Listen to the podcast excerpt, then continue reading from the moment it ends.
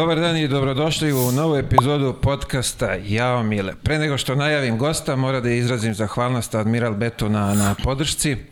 Hvala vam što ste uz nas, što ste prepoznali, ajde da kažemo, trud i kvalitet ovog što radimo. Uh, takođe možete nam zapratiti na YouTube kanalu, u svim ostalim društvenim mrežama i ima nas i na audio platformama, tako da svake srede možete da gledate i slušate nove epizode.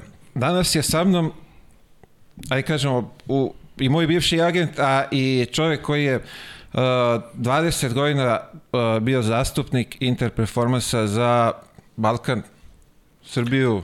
Pa i Srbiju i Balkan i malo šire, da kažem, i, i, Bojan Tanjević, i centrale. Boki, dobar dan i dobrodošao. Hvala na pozivu, Mile, dobar dan.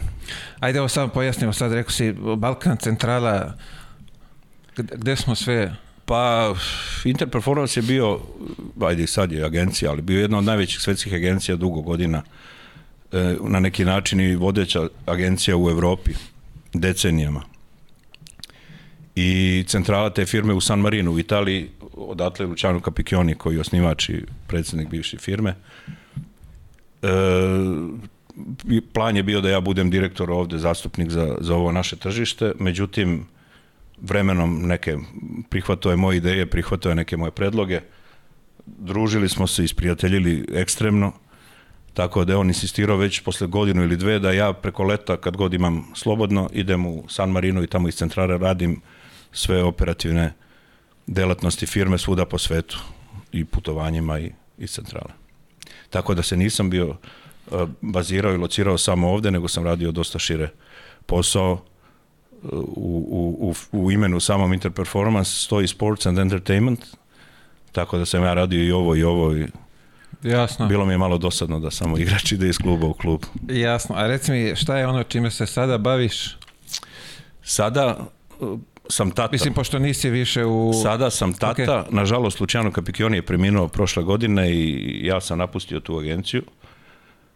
E, sad sam tata jednog malog Nemanje i planiram, trebao bih uskoro biti i agent, naravno imam jednog igrača, veoma bitnog i važnog, a čekam neki ugovor ili dogovor ili finalni mig Walt Disneya da budem uz agenturu, da budem direktor Walt Disney Sport Evropa, ukoliko to Hoće nam se tako bude zvalo. Hoće nam pojasniš o čemu se tu radi, kako je to zamišljeno, šta je zamišljeno? Pa to su promotivne aktivnosti kompanije Walt Disney iz, iz, iz Amerike, iz Orlanda, i organizovanje turnira, edukacije dece.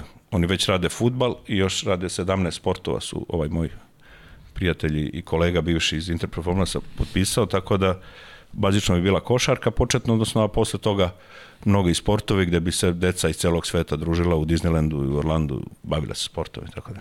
To bi se prenalo ovde za Evropu ili bi odavde... Odavde tamo. Odavde bi slali Znači ti ćeš radiš neki rekruting ovde, kako to... Pa između tako? ostalog to sam i radio, ali rekruting, organizovanje poslovnih dogovori sa ovim federacijama, sa To mora da ide preko federacije, ali tako? Može različite načine, može od ozdo igrač po igrač da se zove što je malo komplikovano, a može da se sa krovnog nivoa dogovara i da se, pošto je Disney dovoljno velika kompanija da sarađuje sa, sa, sa ovim najvećim sportskim kompanijama i društvima u Evropi i u svetu, tako da mislim da će biti ovo drugo. Pa dobro, zanimljivo, zanimljiv projekat. jest, da. jest, jest. Slučajno, moj kolega iz Interperformance, jedan Argentinac Eduardo, je tamo već etabliran u, u kompaniju Walt Disney, njegova firma Idea Sport i javila se ideja da bi mogli mi to malo da proširimo, on se bavi futbalom, to je na nivou da dolaze igrači Reala i Barcelone da promovišu to u Orlando, da se igra finale španskog kupa u Orlandu. Kao što je sad uh, su, u Arabiji, ali tako? To je taj tako fazor. je, a to su ogromni kapaciteti sportski. Bio sam u maju i zapanjio se koliko je to veliko i kakva je to organizacija. Na primer, nedelju dana pre mene, to, to je ESPN World Sports Center, ovaj Disney je vlasnik ESPN-a televizije, nedelju dana pre mene je na obuci ili na nekoj vrsti treninga bilo 16.000 cheerleadersica odjednom. E sad zamisli organizaciju toga da 16.000 devojaka spava, jede, trenira i tako dalje. Odjednom. U nekom maju običnom. 2022. Pored svih gostiju koji su tada u, u To je odvojeno, Disney- to je odvojeno, to je Disney A nema- ti nema- parkovi. aha, ne, ne, nisu- to je, ne, ne, ovo je sport centar, ovo je odvojeno, ovo je potpuno sportski kompleks. Jedan. Čekaj, tu je bio i balon NBA, je li tako? Jeste, jeste, tu je igran NBA prošle Čekaj, godine. 16.000, Odjednom, wow. Kako je to organizacija? čovječe? pa eto, to je, to je. Dođeš do hotel, u hotel, u kažem maj, mimo svega, hotel od 2000 soba, ja došao ranije malo da se čekiram. Kažem on, da, gospodine, tu je vaša rezervacija, imate od jedan, a ono 11, na primjer. Ja kažem, pa dobro se, pa kaže, sve sobe su pune, dođite posle jedan. Ne znam, mislim to. A dobro, to je ovaj, to su igre velikih brojki. Tako je, da. Mi smo ma- mali za, za... Nešto drugo, da. Mi smo mali za tu priču. Ovaj, Ali o tom potom, ja to pričam, a možda i možda ne bude, ali ne bi trebalo da ne bude. Pa dobro, ajde, verujemo da će se desiti da nećemo izmalerisati Ja, sada. ja tek verujem, nema malera, to ne. Ne veruješ? Ne, ne, ne verujem u pucaj samo punom snagom napred. Uh, ajde ovako, kako si ti u stvari, pošto je ovo basket podcast, pa tu ćemo, mislim, dotaćemo se mi mnogih tema, ali kako si ti zavoleo basket, kako je to sve krenulo? Pa basket sam zavoleo i većina, ja sam 74. godište, i većina klinaca mojih godina, odrastao sam u blokovima na Novom Beogradu, u, u, u zgradi gde i tom kraju gde je bilo deca i dece, u školi osnovno Južička republika gde je bilo osam odeljenja svakog razreda sa po 40 đaka. Sad zamisli kolika je to škola. I da se izboriš za mesto u reprezentaciji škole u nekom sportu, koliko je to komplikovano. Već jedna vrsta selekcije tu. I naravno, od jutra do sutra na polju futbal, košarka, prvo futbal dok ne stasaš da možeš da šutneš na koš, onda košarka. I naravno termini jutarnji, rani, kad stari ne igraju i kasni popodnevni, odnosno noćni, po mraku igraš, kad stari odu kući kad im dosadi. Onda malo stasaš vremenom, pa i ti zauzmeš neko svoje mesto. To je normalno, kao i svi što smo imali trenirao basket od neke 12. godine u Čekaj, te neko usmerio tu, neko te, kako to, je to ta selekcija školska? Ne, ne, ili- pa dobro igraš na fizičkom. Bio sam predsjednik odljenja, pa i kapitan futbolske reprezentacije, nisam bio najbolji. Nego. A basket sam igrao po mom dobru. A neko će reći šta nemaš pojma, ali mislim da sam objektivan. Ne bih mogao, naravno, profesionalno, ali, ali sam igrao dobro. I, i stric moj rođeni je jedini je jedini rođeni je bio i košarkaški Dobro, ajde, trener ne znamo, poznati. da ne znamo ko je, možda neki ne znaju ko je u pitanju, pa samo da kažeš ko je Bogdan stric. Tanjević jeste, on je, međutim, to su razgovori njega i mene su i do dan danas samo stric, bratanac, ništa preko toga. O sportu uglavnom kontra mišljenja, on misli jedno, ja drugo. Vezano i za ovo evropsko prvenstvo, dali smo neke različite procene, ali ni, ni blizu nije uticao onda se mi način bavimo. Jedno što smo volili, volili njega, pa volili gledali to. Ja sam mu malo pomogao da sa Bosnom uzme kup šampiona 79 u Grenoblu, jer se finale igralo 5. aprila na moj rođendan. Tako da sam dobro uticao da, da Bosna pobedi Vareze tada. Si ga motiviš. 96, Kaži joj 93. poklon za rođendan. Pa, to, eto, to su ti pokloni za prave rođendane. Ima li šta lepše? Jeste, pa nema. Neobičan datum, taj 5. april. Šta si maštao u ti momente? Si imao neku, ono, ajde klinac si bio, pa kapiram da si želeo nešto i da postaneš kad si uhvatio basketara. Ne, ne, ja sam bio super đak. Išla mi je škola strašno dobro i ja sam mislio da budem pa, imao sam neke ambicije, budem neki profesor ili možda tata mi je lekar, možda lekar. A o sportu nisam, a što sam to rekreativno drugačije je bilo, ispred zgrade se skupe deca, toga danas nema, ja bar gde prolazim ne vidim. I zna se ko je najbolji, i dva najbolja biraju ekipe s jedne i s druge strane. Niko se ne buni, jer svi znaju da su oni najbolji. I oni najbolji odu da treniraju sport. Ne ode neki debeljuca trenira, ne može. Što ima dobre patike, ne vredi. Ozbiljno, imaš pikado, ima škola, ima knjige, filmovi, ima hiljadu jedna aktivnost koja može, a nije sport. Tako da je ta vrsta selekcije već obavljana tu, na tim sportskim terenima školskim, na, na, na fizičkom. Jasno, da. Nisu postojali ni kakve škole košarke i futbala, ne uči se tu u školi, to se uči zavoliš jednostavno, kreneš samo od sebe.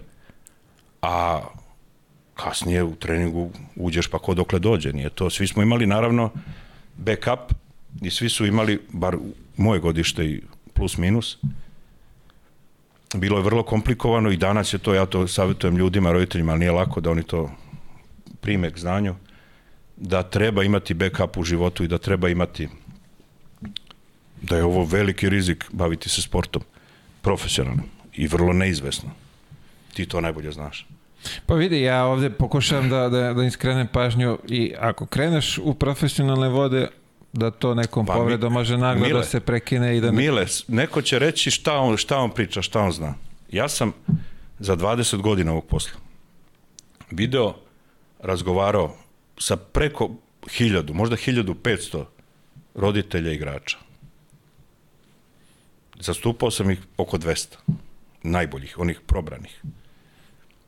I svi oni imaju vrlo sličnu tu uvodnu priču, znate, dete moje voli, to je kao da kaže hoda, pa svako dete voli, naravno, nego što, najbolje da ne voli. Ili, ili, ili, znate, on se trudi, on dodatno radi, a ja, kad sam već mogao da biram sticajem okolnosti zbog Lućana i zbog svega, ja sam uvek birao talentovane u odnosu na one koji, koji rade. Voleo sam te talentovane da stimulišem i nagovaram da rade. Jer voleo sam igrače koji vole i da popiju i da zapale cigaru, ali da oni izgledaju kao da ih mrzi, a najbolji su na terenu. A oni poginuše trudeće se i neki... E sad, to se ne vidi tek tako, to je to je ovaj pogotovo iz očiju roditelja, razumem. Ali ali razumem roditelje što imaju ambiciju.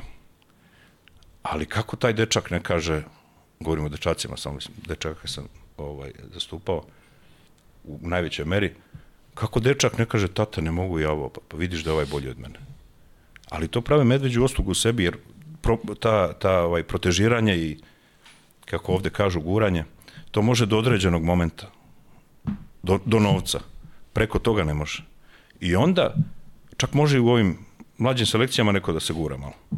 Ali onda te zlatne medalje što je on osvajao, one su njemu opterećenja, one njemu nisu lepa uspomena, meni bi bila. Nemam, nažalost. Nego mu tu stoje u sobi ili ih negde gura u neku fioku da ih ne gleda, jer neki tamo igraju, a on se bavi, ne znam čime, već nečim drugim. Ne, ima, ima i ovde, javljaju se i kroz komentare kao guraju se deca bogatih, I onda ja kad pitam, ok, nabroj mi, evo sad koja je u repstaciji da je dete bogatog, tu se ovaj nema, konverzacija nema, završava. Nema, nema. Ne, ali ne, ne možeš ti njima objasniti, oni su, pa, Mila, to ja, ide u Srbiji kao, ej, ja ovde ti kažem, vidjet ćeš ti, dozvolio se tu da pri, pišu ljudi, vidjet ćeš šta će pišu, šta lupeta ovaj i tako da. A ovo što, ja stojim za svega što kažem jer je to provereno više, više puta. Ovaj, imao sam pet igrača koji su u 18. godini bili visoki 2 metra, 10, 2 metra i 10 i više. Pet i koji su za 18. rođendan dobili od roditelja džip. Neko Hyundai, neko Range Rover, kako ko. Zavisno od mogućnosti. Nijedan nije prošao u košarci. E sad ti vidi tu fiziku, nabavio si se, ti si 2.15 i znaš kad ti dođe neki klinac od 20 koliko to deluje. Ovaj, ali ništa ne garantuje. Ima jedan samo put kako se prolazi, kako se postaje, a hiljadu jedan kako se ne postane. Jasno odnosno u nekom dobu od 14, 15, od 14, može da se kaže da neko neće biti profesionalni sportista, ne govorim samo košarci. Jer postoji tu neki isključujući faktori. Ako kažeš biće, to, to znači biće ako, pa onda gomila ne, faktora nema garancije, nema, nema apsolutno garancije. Nikakve garancije. Veliki je rizik i onda čitaju ljudi u novina 5 miliona, 100 miliona, 2 miliona, milion, a rade za 400 eura i onda Naravno, to je s nekim razlogom. To su rizici, to su patnje, to je krv, znoj, drama, odricanje, veliko. Nije to tek tako. Pa, kako se, mislim, samo da bi razumeli, to je isto odricanje ko što se oni odriču za tih 400-500 hiljada evra plate, Tako samo je. što je ovo, ajde kažemo, Mile, ja sam malo više ja ovaj odricanja. Ja sam, ovaj, posjećamo to, to si rekao, pričat ćemo, ja sam položio na fakultetu 42 ispita na mašinskom, od toga ima 30, možda 31, dva, ne znam tačno, oko 30 ima pismeni i usmeni, kao dva odvojena ispita. Znači, to je 70 i plus ono kad sam pao, naravno. 70 noći kad ne spavaš, kad ti radi želudac. To je isto drama, naravno. Da, da. E sad što je takvo vreme da je to teško naplativo ili ovaj, to je nešto drugo. Ali, Da. ali svaka vrsta posla podrazumeva odricanje, radi, nervozu i muku. Mene majka jednog igrača zove i kaže, znate, on je nervozan. Pa ja kažem, najbolje da ne bude nervozan, prima 20.000 eura mesečno. Kako da ne bude nervozan? Još to samo baš. Nisu ljudi ovaj, vrlo lako odu. Pa dobro, roditelji su o, slabi na decu i onda naravno da im Ne svaki kažem. taj ovaj... Ne kažem, ne kažem. Ali oni klinci od princa Charlesa su bili u Afganistanu. Pa idu ovamo, pa idu onamo, posluže vojsku, pa ih tuku tamo na ragbiju. To sve mora se prođe. Čeličenje. Pa čeličenje. I reci mi, ovaj, trenizi tvoji, jesi ti bio u nekom klubu nešto? Kako da ne? je to? Pa kako da Koji ne? to klub bio? Kako Kako, da je ne? to, To je- počelo? To je klub Partizan iz Beograda, poznati, poznati ovaj, ovaj, ja sam zvezdaš, jedno sam kod Tegeltija rekao, kažem ja reću da sam zvezdaš, kaže Tegeltija nemoj to. Ja kažem, mo, moram, moram. Ali sam provukao, i stvarno ovo mislim, ja sam stvarno ljubomoran godinama bio na moje drugare što navijaju za Partizan, ima ih puno. Jer je Partizan dugo godina harao u basketu i još od vremena tog, kad sam ja bio klinac, Partizan je bio, bili su igrači u koje se zaljubiš kao dete. A Zvezda onako, Zvezda je malo dobar tim, ali ne tako dobar. Igrao sam Partizan do neke godine, trener Aca Janjić čuveni, Znači, kod njegova selekcija ipak. To je sa Novog Beograda, svi kod Aca Janića. pa tu je bilo, Partizan blok 70, 20. oktobar škola, Tako je, moj prvi trening je tamo u toj sali. Samo kod drugog trenera. bio Savke, jel? A, Aca Bućan. Aha, kako ne, on je sad moj drug. I, ovaj, i, i, jednog dana je došao Aca i ovako podelio nas je u vi ovamo, a vi se snađete. U toj drugoj grupi sam bio ja.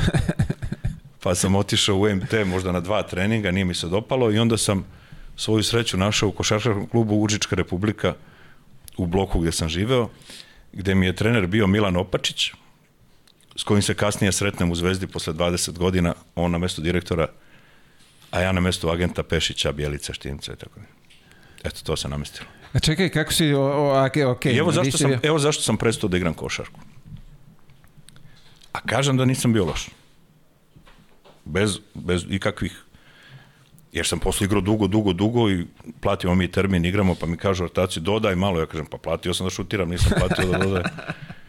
ovaj, I tata mi je radio petkom popodne, u, tamo gdje je radio kao lekar, a ja sam to kombinovao sa školom, živeo sam već osmi razred kod, kod kuća cveća i blok 62 otići sa tri prevoza, bilo je komplikovano i vozio me on na trening. Moj tata, bez obzira što mu je brat Bogdan Tanjević, moj tata je mali Bucko koji gleda basket na nivou navijača i ništa preko toga. I tata me dovezu i sada bi me sačekao, seo je na tribine da gleda, a tadašnji trener, ne Opača, drugi jedan, je otišao i seo pored mog tate i nešto ga je pitao, ja ne znam šta, a pomoćni trener je vodio trening.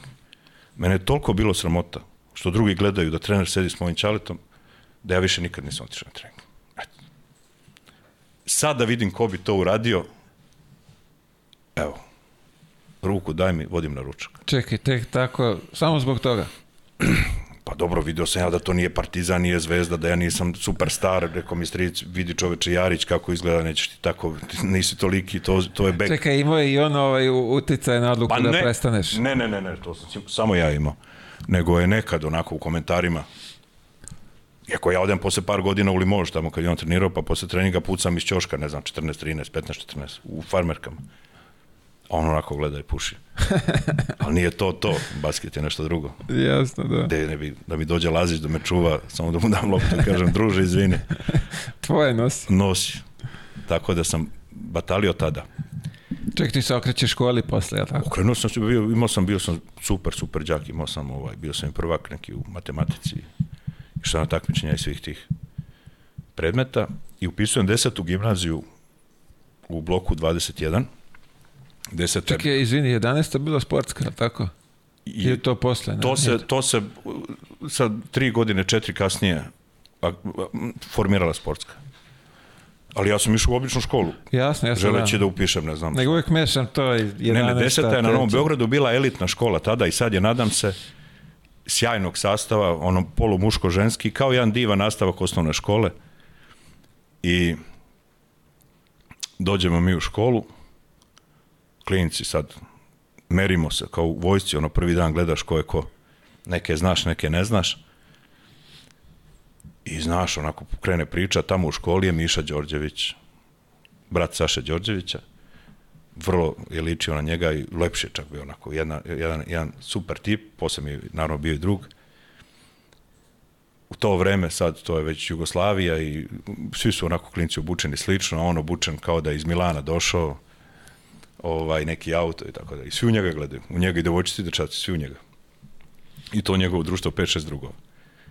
I ide taj septembar, negde kraj septembra, moja učionica je bila pored sale za fizičko. I mali odmor ulazi Miša u učionicu, kao bog da je ušao, to je tajac bio iste sekunde. S nekim drugom kaže Miša, ko je Bojan Tanjević? Ja kažem ja. Kaže on je bi igrao za reprezentaciju škole basket? Ja kažem kako da ne. Povedi jednog i dođe na primjer u petak u dva. Ja uzmem najboljeg druga iz klupe, on je igrao futbal, bio kapitan radničkog sa Novog Beograda, gde je igrao Ivan Tomić, Aca Bulić, svi smo se mi družili kod mene kući iz svuda, tako. I ovaj, ja Miloša u, u, u reprezentaciju, on mene u futbalsku, a treći naš drug Nebojša Marković, koji je sad u Norveškoj, Miloš sad živi u Čikagu, ne, on u odbojkašku reprezentaciju škola. Tako kad dođe april, ja ne idem u školu, idem na prvenstvo na opštinska, gradska, u tri sporta. Pola se šlepujem, pola igram. U toj reprezentaciji škole igrao Miša Đorđević, igrao Andrej Vučić, sadašnji ovaj brat predsednika, tada. Još je bilo igrača dobrih. Igrao je Drobnjak, igrao je Mića Berić. I ne mogu sad, ajde od ovih još i nekoliko bilo. Bilo je super škola sa sportistima. Bilo... Samo reci još da niste osvojili prvenstvo. Sa svim, sa Droletom, sa Mićom. Pa nismo, nismo, nismo, nismo. Ko vas je pregazio? Deveta gimnazija u hali sportova, ja nisam igrao tad. Tad su ih i opljačkali. Srećom nisam igrao, obili su slačionice, otišli su u dresovima kući igrača. Mislim da je Mića presekao loptu na minus jedan i ovi su uhvatili svi za glavu i on onako polaže, već igru Partizanu. I polaže i on ovako op, op, op, op, izađe iz koša, izgubi. Neka mi ne zameri, mislim da je tako bilo. Kako se rekao, opljačka je rekao već krađa neka sudijska, ne, standardne sudijska. priče naše. A ne, kradu sudijska sudija. krađa, ne, ne, ne, nema to. Pa, slušaj, Mile, kad si mlađi, pa i stariji, znaš ti ko je bolji. Pogotovo u tom dečijem. Nema tu. Nema ni protekcija, nema ni sudija, nema ničega. Uglavnom, divno je prošlo to školsko vreme i, i ovaj, u sport naravno, sport kao, ali kažem bez pretenzija i bez e, nekih snova neostvarivih koje bi me sputale u ovom drugom. Kako je bilo biti ovaj uh, bratanac Boše u tom periodu kada on postaje prvak Evrope i, i sve to? Pa, nekako... Si bio faca u škole? Ne, ne, ne, ne, daleko bilo, to je bilo sramota. Možda jesam, sam imao neku lepu majicu ili tu, tu Stefanel nam je, imali smo, on je vodio Stefanel iz Trsta, on je ovaj, zasipao me dresovima i, i opremom tom sportskom, što tad nije ovde bilo. Tako da je svo naše društvo nosilo to, nismo mi to sebi, brat i ja, sve smo razdavali. Ja dan danas ne znam da li imam nešto od toga, imam poneki možda dres, možda fućki, eto imam njega. A ovaj, ali eto krivio što nismo, što nisam naučio da skijam do 40. godine jer je živeo na moru, u Kazerti dole kod Napulja pa u Trstu i onda smo zimske raspuste provodili na moru. I jednostavno nisam naučio da skijam, a onda sam se posle pomamio. Tu, tu, mu, tu mu zamera. a, bio si, kažeš, kod njega, kako je izgledalo to u tom momentu biti u, u ajde kažem, pa verujem sam, da si bio gled, na treninzima, gledao, gledao sam i treninze, gledao, treninge, gledao sam i sve. To su, on je jedan, jedan ovaj košarkaški fanatik, to je mimo onih porodničkih stvari što se znalo red rad, ovaj košarka do, do, do, do besvesti. On je, dok je ručao, gledao neke kasete, tada je to bilo. Na telefonu stalno s nekima. Što sa novinarima, što sa igračima. I on je bio igrač, znači sa 32 godine uzeo kup šampiona. I skoro smo sedeli pre 2-3 meseca ovde, dva. I sedimo, pijemo kafu u nekom kafiću tamo blizu mene i Bogdan mi recituje Majakovskog oblak u pantalonama. Gotovo celu pesmu. Iz nekog tako došlo mu. Ja, mu, ja ga saslušam ja mu kažem, e, zato si ti najbolji. Jer košarka, on je znao naravno i da zagrli igrača, znao i da grdi, znao je tako nekim ovim prilepcima da i šamarčinu opali, ne igračima, nego ovim okolo što se njuškaju. A to su neke stvari koje odvajaju najbolje trenere od, od moraju biti persone pre svega da bi im igrači verovali i da bi im bili da bi ih gledali kao onako kako trebaju da gledaju trenera kao nekog uzora, kao nekog vodiča kroz život u tom periodu dok su zajedno. I ovaj, košarka je, to je jedna, teorija košarke je jedna knjiga. To je vratno lakše od ne znam kog, od matematike 2, na primjer. Ali trener, biti trener je sve ostalo sam košarke i svi ovi najbolji treneri naši su takvi. Kad se svede na školsko, onda ulaziš u prosek, onda svi nauče i onda da, ali ona iskoči onda, pa da, ali ova iskoči ovde, pa znaš koliko je to, koliko je to odnosno, ne znam, na nuklearnu fisiju, nešto, koliko je to prosto. A reci mi, uh, aj, mnogo si vremena proveo s njim, uh, kako on, da si zaključio ili ti je rekao, ka- kako on oseti, lupam da iskopa Bodirog iz Trebinja, odakle već iz Zadra. De, I Zadra, Bodiroga, eto, ja sticam okolnosti, mi on drug od te godine kad je došao u Trst, tamo smo se viđali. On ima svoj život, ja svoj, ne družimo se specijalno nešto, ali kad se god vidimo, Bog zna kako smo u dobrim odnosima. On je pre toga uveo Gentile, onog, ako sećaš, u Kazertu sa 16 godina. U prvi tim i bio kapitan sa 16 godina. U A1 ligi Italije. Posle je poslao reprezentativa čuveni njegov sin je igrao u Milanu. O- Obožavuje te mlade igrače. I dan, on je, on je tip koji je dao dan danas. mladima Pa davo im je, jer mladi su hrabri i mladi, to bolje pitati njega, ali mladi, mladi mu slepo veruju i izgaraju daju sve od sebe. A on im je predao kompletno sebe i bio im je i brat, i otac, i trener. I mnogo, mnogo njih je napravilo uz njega super karijere što u Jugoslaviji, što u Turskoj, što u Italiji, naravno. Kapiram da ga ovaj, bolje doživljavaju i, i više ga poštuju preko ne, nego ovde. Mislim, ovde on nije mnogo ni radio, tako da nekako Pa nije to... radio, ovde je studirao, ali ovaj, poštuju ga i ovde, pa kako ne? Poštuju, nego to su samo ovako... Ovo vreme nosi sa sobom i koje kakve i ovi to ispred tebe daje mogućnost svakome da kaže šta misli. Tako je, da. To, toga sam svestan Buda, sad. budale su ranije bile skrivene, a sad imaju pravo i, i priliku da kažu, nažalost, njihovu. Jasno. E, ovako ti završavaš e, fakultet. e, Ne završavam, nego, nego upisujem faks i odlazim u, to je 93. godina, ovde vreme velike inflacije, koja me zadesila u Italiji, kod njega. I vratim se u Beograd u novembru mesecu, upisujem sam fakultet, počnem ja to malo da, da, da vidim kako ide. Međutim, moj drug me zovne da budem, da li bi gostovao, evo, ne kao, slično ovom kod tebe, na trećem kanalu televizije Srbije. 93. Da, da, ja imam tad 19 godina. Da budem stručni konsultant ja za italijansku ligu. Znači, to je vreme pre interneta, pre svega. Vodi emisiju Šarenac, ja uz njega. Šarenac isto tada mlad. E, tu što sam ja dobio informacija preko te privatne linije, naravno, i što sam znao, to je bilo interesantno da se kaže i bilo je to dosta gledano. Išla je emisija subotom uveče u 10.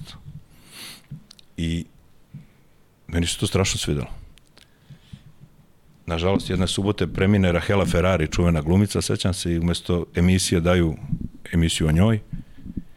Iduća nedelja je bio neki politički događaj, pa neka druga i ugasi se italijanska liga na trećem kanalu. Ja tužan, a naravno fakultet odmah u stranu, ne, to nije zanimljivo. Ja se malo bacio na školu, da bi posle godinu dana izašao konkurs na studiju B. Otvara se studiju B, konkurs za sportsku redakciju. I prijavi se oko, na primjer, 400 momaka i devojaka i konkurs testovi tamo opšte kulture, poznavanje sporta. I plus jedan divan test, zanimljiv u stvari. Veče pre toga je bila utakmica finale Kupa šampiona Milano-Barcelona 4-0 kada je Savićeć dao one golove. I to je nenadano bilo, kažu oni u onom užem što su odabrali, da svako ima minut da se koncentriše i u kameru da prepriča tu utakmicu. To nije bilo lako.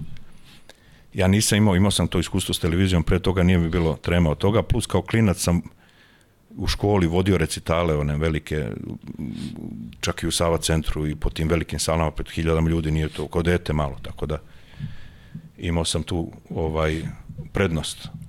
I prime mene i Vladu Živković, on je sad na sport klubu. I počne moja novinarska karijera, ta nesuđena. Jedno godinu i nešto do 95. do leta. Malo pre, odnosno. Čekaj, šta si, šta si vodio? Bio sam, šta? ne, ne, bio sam novinar sportski. Ok. Vodio sam šta mi daju, šta mi A, Dragiša aha, Kovačević šta mi kaže kao šef redakcije. Radio, radio sam intervju iz karate i šaha, sećam se klinac neki futbala. Dobro, ja sam imao negde na sliku ono sam- sa Mihom. Imam s njim, imao sa Dačićem tada, on je bio predsjednik onog Palilulca futbolskog kluba. Imao sam jedno 40 kila manje tada nego sad. Ali, ovaj, ali mi je bilo strašno zanimljivo. I onda jednog dana sedimo onako u redakciji, a pored mene je bila Biljana Lukić, ona je vodila zabavni program. Tako da je ovo moj 100, a 100 do mene u Beograđanci na 19. spratu vidiš sve, vidim zgrade svoje gde živim, mnogo lepo. I još klinac. A pored mene se glumci, pevači, pevačica, svaki dan tu. I to je meni bilo isto dodatni ovaj motiv da idem na posao. Međutim, vidim u jednom momentu novinare oko sebe da su u nekim sad 40. 50. tad nije bilo para.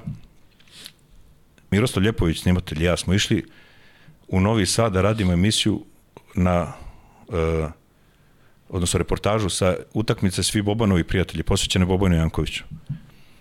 Sećam se, mi nismo imali para, ja se izvinjavao na naprotoj rampi, nismo imali pa, para platimo to, Putarina. putarinu, da, i puste nas. Ne znam kako su to obračunali posle kroz registraciju već kako. Čekaj, I sad, si ti, postala, i sad si ti postala kao novinar.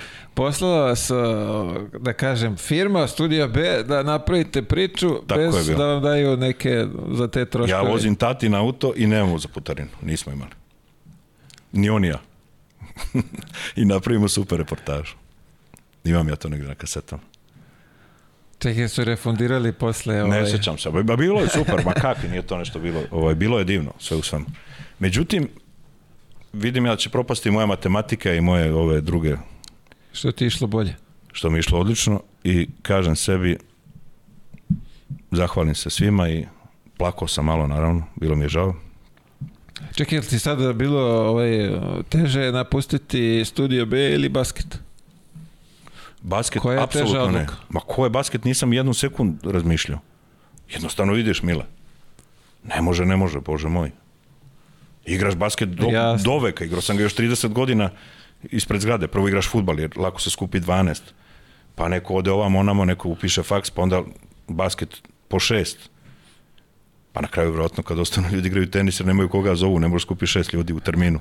Nezgodno ali ovaj lagano basket jednom nisam nisam trepnuo. Ovo mi je bilo teže mnogo. I na moje mesto dođe Vladan Tegelti, ja. tako da sam eto isto posredno ovaj odnosno uticao na jednu novinarsku karijeru strelovitu. On je posle toga odradio ono prvenstvo Evrope u Atini gde se 95. proslavio, gde se proslavio intervjuima iz autobusa i Znači ti bi bio na njegovom mestu. ne da bi, ne bi, ne bi. Ne bi te slali? Ne, ne bi mene slali, ali ne bi ja to tako. On je imao svoj stil i super je prošao i napravio svoj ovaj to imidž.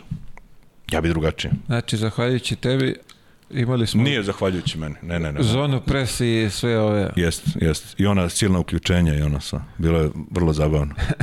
Ja sam gledao, nisam propuštao to. Pa ja nisam gledao zato što, što me nervirao ovaj, sa tolikom tom tendencijom Partizana i Partizana i onda nisam gledao. Ma jo, ma ne, ne, ne. Nije. Nije, šta. Svako ima svoje. Ne, nije to sporno. Ja, ja, evo, ja sam ovdje isto navijač zvezde, ali kod mene će sedi i uvek ćemo da razmenimo mišljenje, Pa ne, ali ne. neću da, da sad Ne. navaljujem kako je zvezda najbolja, naj... nije, brate, ajde pričamo realno, daj pričamo realno, ne moramo sad tu da glumimo ovaj... Teg je ovaj, dobar novinar i to je imao nekih posle kikseva drugog tipa, ali to što je radio, radio je dobro. Pa dobro, vidiš, ti kažeš ti bi drugačije, ja bi, Ja bi drugačije, pa tako kad ti da. vodiš ovo na jedan način, ja bi možda, Tako je, ja bi možda se ovde, a ti tu. pa.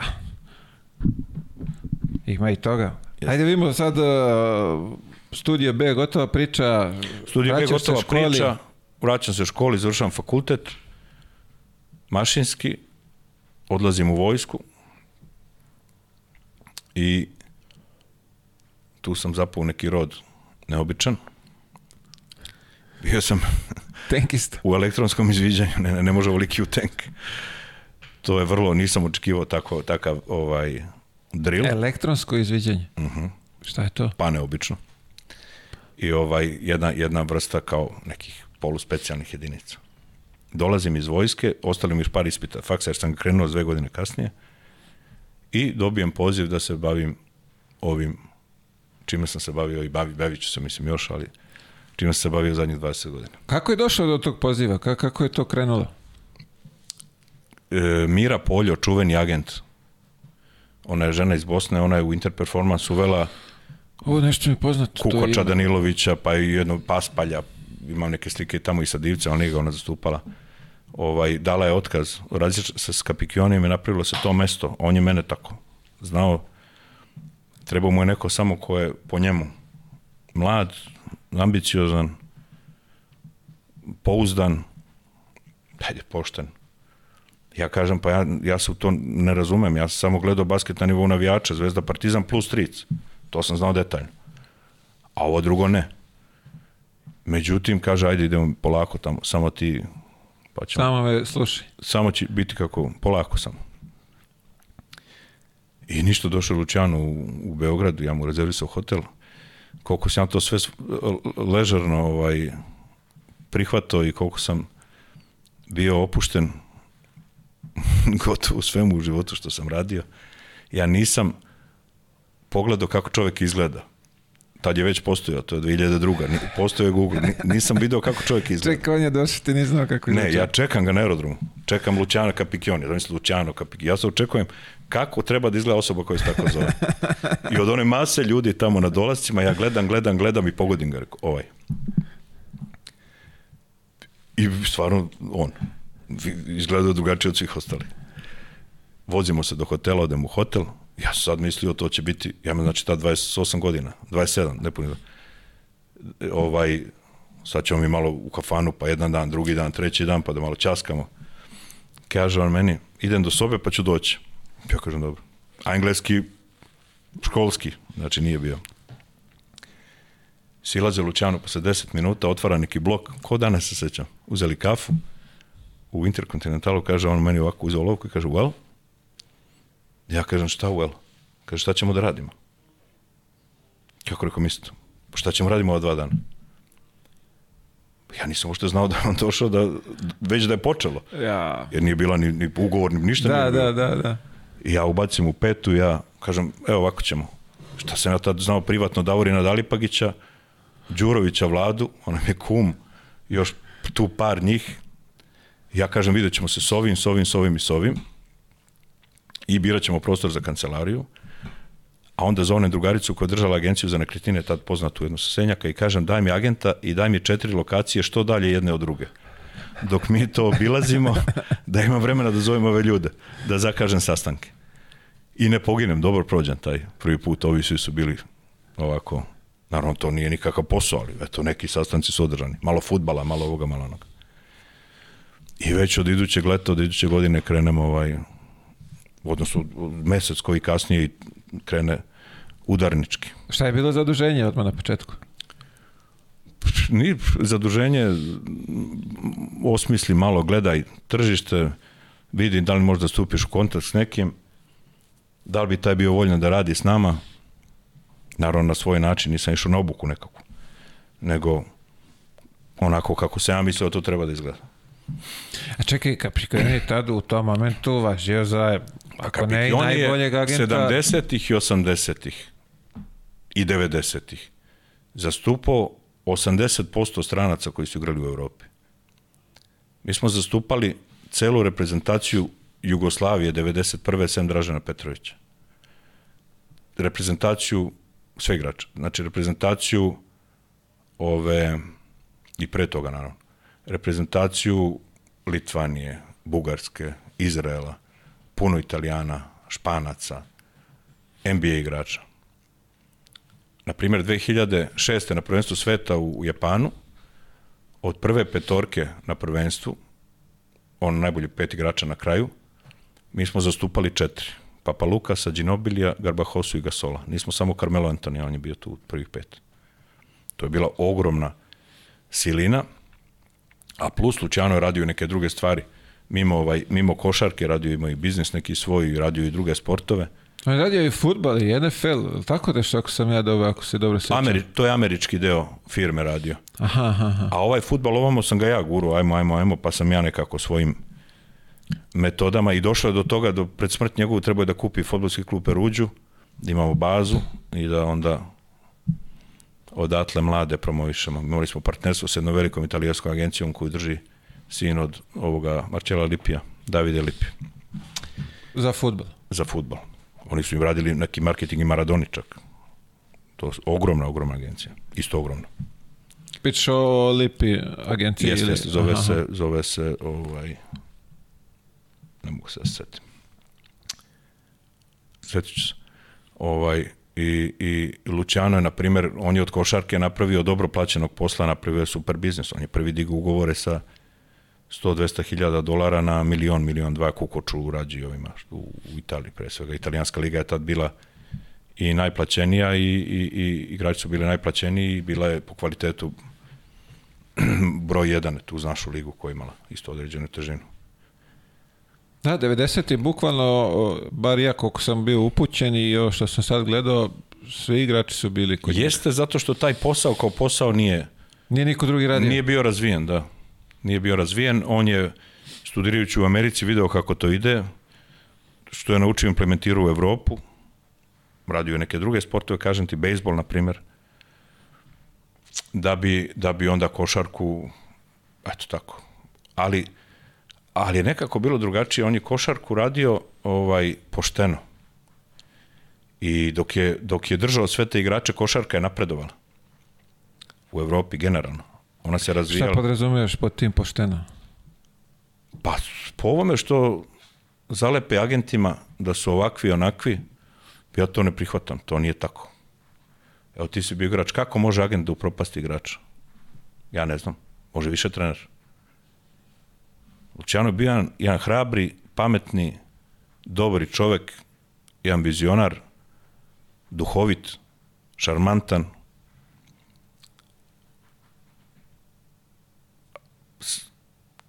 sve najlepše mogu reći o njemu. Za 20 godina rada. Bio sam, eto, da glupo je, galamio sam na njega na telefon. Pa, pa mu spusti slušalicu, pa on meni. Pa, to, je jedan odnos malte ne otac sin. Ali, ali ovo, a to je ovde, nije to tako u svetu. Biti agent je jedno normalno zanimanje. Ima i Leonardo DiCaprio menadžera, ima i Nadal menadžera, ima i, i, i operski pevač, Pavroti ima menadžera. Da, nije to sporno, nego ovde se kod nas... Bitno je, bitno je kažeš- način kako se bavi neko Tako je, nečem. da. Znaš, i sad sedeli smo jednom, ja sam bio isto mlad, imao sam 30 godina, 32. Sedimo u kući Boška Đukanovića u Valjevu. Bio je, sećam se, Žeravica, mislim da je bio Ivković, bio je Đurović, dosta tih. Ja se zadesio tu. I sad napali tako agenti ovo. Ja kažem, što agenti? Ja, ja uz- uzmem glas, a nisam možda imao ovaj pravo. Da li mi Đura rekao, pa ovo, ono. Ja kažem, ne može čoveče, pa znaš zašto? Zato što igrač kad dođe da trenira košarku, dete, dete dođe kod trenera u ruke, ne dođe kod agenta. A onda vremenom u treneru vidi da nešto ili negde nešto ima, ili vidi mu profil. I ode, nema, trener, pobegne treneru i ode kod agenta. To je do trenera. Pa pazi, ajde sad, evo, ti, pošto si radio si to što si radio. Ja sam radio vrlo komplikovane stvari. Ok, ali evo sad kažeš da ne može. Ja mislim da agent ipak može, poznavajući ovde ovaj... Kako, Mile? Evo, gledaj, evo primjer ja. Nećemo imenovati o kome se radi. Nemoj. Čovjek je potpisao ugovor za jedan klub za određenu svotu. Uh -huh. I spreman, znači, potpisao sam tamo, idem tamo. Uh -huh. Da bi agent ga nazvao uh -huh. i rekao, ej, vidi, ovo otpada, ovi te neće, uh, ideš ti ovamo za manje para. Kao ovo nam je sve, nemamo drugu opciju. Dobro. I kao jebi ga, ok, vamo je propalo, nemamo, po, ajde idemo vamo, idemo za manje, poprilično manje, ako ne i duplo. Da bi on posle dva dana Stavio nekog drugog igrača. stavio drugog igrača Dobro. za taj isti novac. Dobro. I ti se faktički Dobro. ovo mu propastio karijeru. Nisi karijeru, nego taj posao.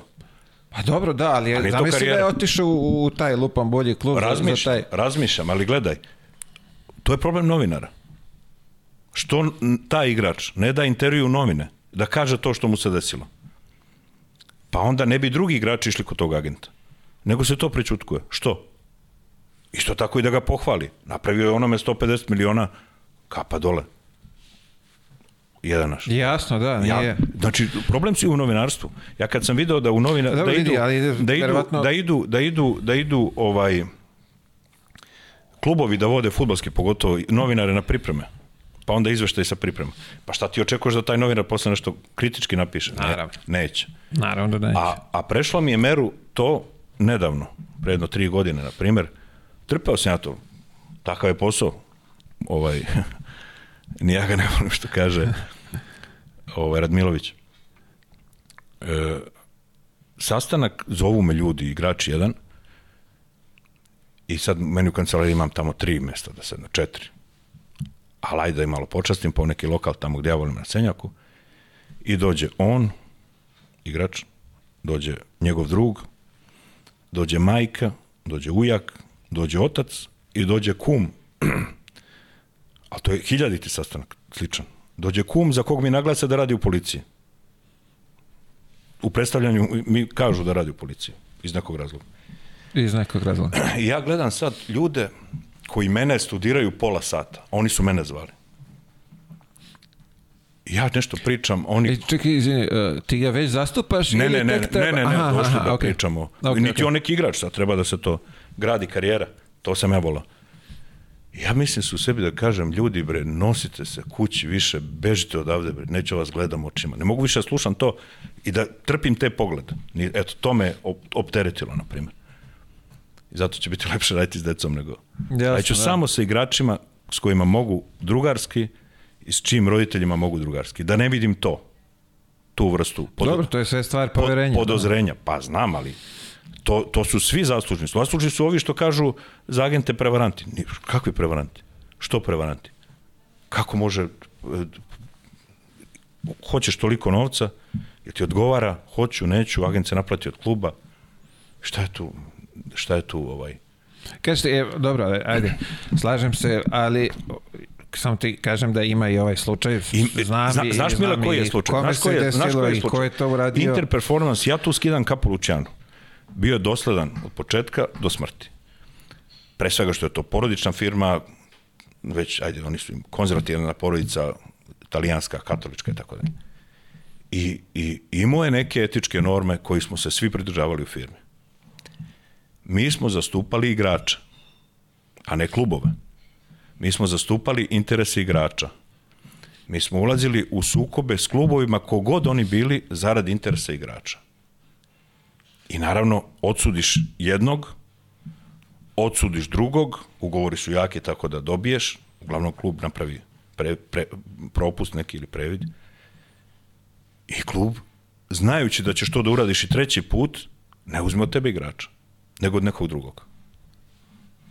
A kad klub kaže igraču hoćemo te, ali ne preko ovog agenta, nego preko ovog, to igrač treba da se zamisli, pa to nije za, kakve ima veze kom je agent. To je znači za klub, klubovo dobro, a nije za igračovo dobro, ta promena. Ali to rade sad. To, da. Toga ima. Ne da ima, nego nažalost to se tako... Ja, mi smo voleli... Ja sam se time ovaj rukovodio i, i nosio svih godina da igrača stvorimo od malog do nekog, da mu se stvori jedna vrednost, da on može da izađe na tržište, otvoreno tržište svih i da se onda nadmeću klubovi ko će više ili ko će kako i da ga potpišu. E sad ima, ima ovaj, desilo mi se na primjer i da me zovne, zvoni mi telefon Aleksandar Ćapin, on je tad bio MVP Jadranske lige i Radničkom. Ni, nisam ga poznavao uopšte. Kaže, volio mi ti zastupaš. Dođi ti odjednom MVP lige. Do duše u godinama, ali ok, MVP. I to se dešava. A uglavnom sam ja volao ove mlade pa da ih pa da ih guramo. A, reci mi, uh, to njihovo, što kažeš, porodična firma, poslovanje, mm. šta, si, šta si pokupio od njih, ta, ajde kažemo, to je neki italijanski biznis porodični, gde oni drže do, do sebe, do tih nekih pravila, što, što, ono da možeš sad primeniš ovde kod nas, ej, ovo je pa, dobra stvar. Gledaj, Mila, uh, uh, on je mene nagovarao 10 godina jedan tamo da živim.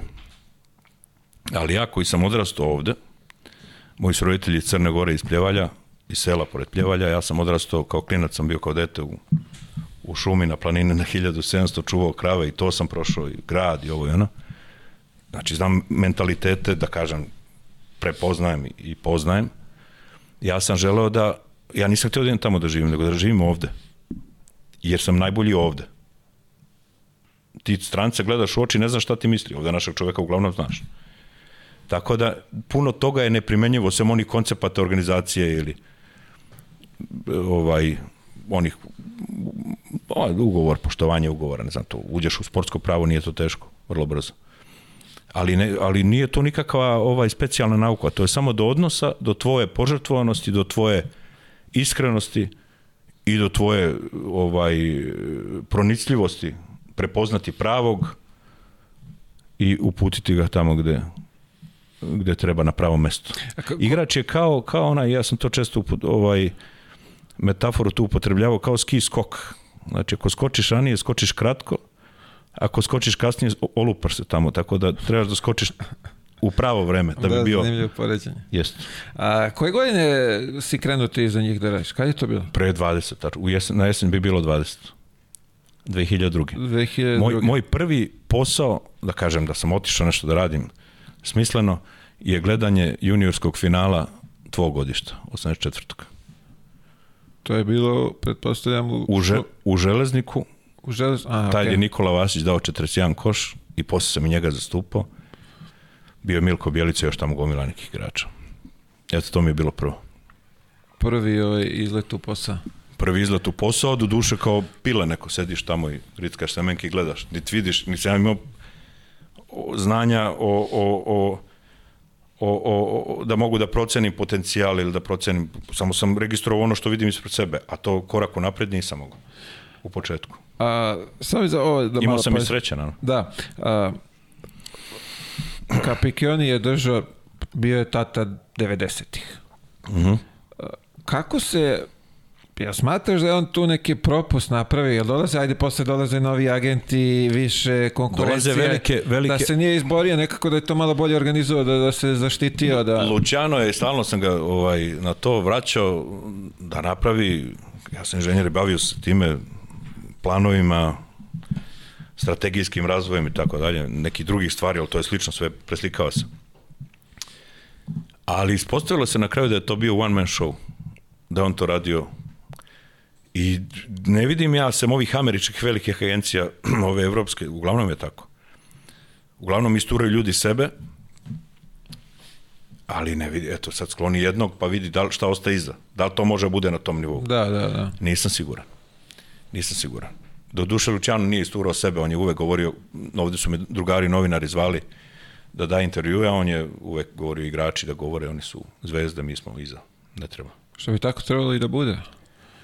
Pa ja sam donekle pa za jeste. to i, i da treneri ali, ovaj, ne trebaju toliko ali gledam, da, da budu zastupljeni gledam, u novinama. Ne treba. Koliko treba igrači. Jer to pa, su trebaju, ti koji su trebaju, na terenu. Trebaju neki treneri, ne trebaju svi treneri. Treba da se to suzi, ali sad toliko je medijskog prostora, uključujući ovo tvoje, što je gledano vrlo, da treba taj medijski prostor popuniti. I sad svako dobije priliku nešto da kaže. I što ne pitaju novinari, sad oni, na, ali novinari, naravno da ja kažem, ovaj, divno je kod Mileta u emisiji, to ne bi ni objavili. Ali da kažem, tu su njih četvorica, mučili su me celo, to bi bilo u naslovu. Naravno, što, što ovaj, E, pa nažalost, tako je ovde sad. ekstremnije. I sad vidiš ovo oko reprezentacije, Pešića koji je majstor toga što radi i zna gde, oni pitaju neke trene, pitaju Obradovića šta misli o tome, ne pitaju Majkovića šta misli o tome. Jer znaju da bi... Nemaju ni hrabrosti da pozovu, da, ne, nije verovatno, ne, ne, sme ni da ne, pade na ne, pamet da nego, pozovu ne, njih. nego njihovi odgovori bi bili unormaljeni, bili bi prihvatljivi. Tako je, da, ne bi bilo... ali za naslov trebaju ovi drugi odgovori. I oni zovu ove druge. Jasno. Pa da. I onda isto da li je ova pevačica ovde bila s ovim, da li se skinula i šta je ovaj rekao u košarci? Pa ne može to. Sve na naslovnu stranu. Ne može to, nije. nije. E, e, reci mi, e, prvo, koga si prvo potpisao? Ko je bio tvoj Da, prvi? Davorin Dalipakić, Tavorina Dalipović. prvi. Zezaš. Jeste. Čekaj, to je bilo još dok igra u Italiji. Ne, ne, bio u Beogradu, bio u... O, kako beše, Toši Bunar, je li tako? To je, on je igrao za njih, koliko su? za Atlas. Atlas, da. Jest, jest. Mi smo mu radili, ne znam, mislim da smo mu radili Napoli. Ili možda neki drugi. Napoli, ja mislim. Igrao on, kako beše, Napoli, pa je posle završio gore u Veneciji. Tu mu je tata igrao. Tako je, pa ne je znam. negde bilo. Znam, kad, kad mi je pričao da je, Davno je bilo, došao ne? da, da, A on je meni drug i ovako. On je, on je od mog super druga kum, tako da smo se mi viđali ovako. Jasno. E, nešto je bilo za, za pravi, je bila neka ceremonija napravljena, a Davorin je bio na parketu igrao tu utakmicu. Mhm. I ono, katastrofa, nije znao da se sastavi. Pa, Davorin je bio u, u, u petorci Kožeravice te godine kad je Partizan napravio dobar tim sa Brkićem, sa, divno je bilo gledati njih. On je bio u petorci to. Sad je on trener u Abu Dhabiju teniski. Znam. Znaš kad sam ga ja sreo? Ovaj, mi smo nešto u Izuri skupljali da igramo i ovaj, došli tamo i on gleda ovako, ušao, ono igramo 5 na 5, znaš. Mhm. I on gleda ovako, ja kao malo glupo da pitam, a kad su ovu trojku pomerili? Či toliko bio. Ovaj, celo leto ga završi sezona, on ostaje, ide na tenis. Toliko je bio van. Pa I- dobro. Ali kad su ovu trojku pomerili? Jeste, odlično. I posle ga, kad sam ga sreo, kad je završio to što je bilo, i rekao šta je desi, e, završio sam, kao dobio sam trenersku licencu. Ja gledam, ako, rekao, i ti idu trenere? Da, da, kao, rekao, i, pa ništa idem za Dubai, kao, rekao, šta ćeš u Dubai? Pa tamo kao tenis, kao. Čovjek je završio košarkašku karijeru, otišao, položio za, za teniskog trenera i evo ga koliko već ima, jedno deseto godina sigurno Ima, ima, tamo. ima, ima, može, nešto tamo žive. Za, zanimljivi su putevi. da. Mile, igrače, ovaj, svakog leta sam tamo u San Marinu družio se sa Gordanom Firićem, on je sad pomoćni trener reprezentacije Bosne, inače je reprezentativac Bosne, ne znam da li bi Jugoslavije, 70. godište. Sad je prvi pomoćnik ovome treneru u bosanskoj reprezentaciji. I onako, posle posla sednemo mi, on je radio kao trener mlađe kategorije. I tu smo pravili kalkulacije te on analizirao svoju karijeru, pa ove, pa one, pa ni on se bavio agenturom, ali, ali se bavio ovaj časkanjem, samo ispijanjem kafa posle treninga. I ovaj, bio je tu i Majers, naravno, Majers je dolazio Karton, on tu živi u Riminiju, pored San Marina. I negde smo računali otprilike koliko igrač treba da zaradi da bi mogao da kaže da, je, da živi od košarke. Neću sad o ciframa. Reci mi cifru, molite, pošto sam sa druge strane Pa dobio... promenilo se sad, pizza je bila 6 eura, sad je 10. Dobro, ajde u tom momentu kad ste to Pa izračunali. mi smo računali da treba igrač da zaradi 10, e, 700.000 eura. Eto tako. Da može da kaže da se bavi time. Kako da se bavi? Da Misliš se da kaže žive, živeću od košarke, u, u to vreme za te pare mogu kupiti dva, tri stana da izdaju, da bude miran da otvori neki poslić i tako da. Dobro, znači ja da sam igra- dobio 10 puta veću cifru. Koju? Ma ne, pa dobro sad. Da, ono kaže, ej, završio sam, ne treba sad Pa ne, ništa ne, da ne, radim. ne, ne, ne, pa ne, ne može to da nikada se kaže. Ko, ja igračima svima govorim, ako ne možeš da živiš sa milion, ne možeš da 10 miliona. To je sumanuto, posle tražiti ovaj... Ne, ovaj kao to je ta cifra u fazonu da ne, mora više ne, da, ne, ne, da, ne, ne, ne, ovo je da razmišljamo posle. čoveče, uđeš, uđeš u glavu normalnog čoveka koji ide na posao za platu. I ovaj i ljudi samo treba da se bave matematikom, roditelji. Da vide nemaju ni te podatke, ali možda imaju na internetu, to se nađe. Koji igrači iz koliko iz generacija žive od košarke. Znači, ne da imaju platu 2000 eura, to se potroši. Nego da mogu da ostavljaju pare sa strane. Koliko ih ima? Ja mislim 10 po generaciji. 15. Ma nema šanse. Pa, Mile, evo neka bude 20, a nije. Pre će biti da je manje. Svaki roditelj i svaki igrač treba da bude iskren pre svega prema sebi i prema detetu. I da kaže da li je moje dete ili ako igraš, da li sam ja među deset u mojoj generaciji. Ne. Uglavnom, ne. Sad da pitaš bilo kog, to ti rekao Ljuba i to je tačno, Vidačić, ovaj, svaki e, predsednik ili vlasnik, trener, bilo kog malog kluba će ti reći kakvog igrača ima. Ali, nažalost, on to kaže i tom igraču. I taj se potpali. I? Posle đavo kriv. Onda vruće krompir menadžeru, ajde nađemo klub, a nema. Klubova je sve manje. Nema više Hemofarma, nema više Vojvodine, nema više uh, u, u takvom, Da, da. u toj meri, nema više Gradiškog Kragujevaca, ovih timova metalca koji su za pristojne plate igrali su momci i bili su kompetitivni zvezdi Partizanu u nekoj meri. Jeste Hemofarm je svoju Jadransku ligu. A sada imamo Zvezdu i Partizan sa ovakvim ovaj, izborom igrača, strašnim, fantastičnim, gde mladi igrač teško da može da dođe. Mislim, možda dođe, ali neće dobiti šansu. Pa ne, moj posljednji igrač ovde koji je bio, je bio Kino Kolom, kada je došao u Zvezdu, ovaj španski aprestivac, Aha, aha, aha, koji je okay. došao sa, sa Sašom Obradović. I oni su njega otpustili, ali ponovo Uskoković nije dobio priliku da u toj meri u kojoj treba. Jer je, on je smetao njemu kao stari. Pa kapiram da više su ga sklonili zbog primanja nego zbog minutaža. A dobro, im bi loša ti gomila nekih nesrećnih okolnosti dobio koronu, pa je ležao, pa je bilo malo povređen, pa, pa nije, jednostavno nisu se našli. On sad igra i dalje, nema veze.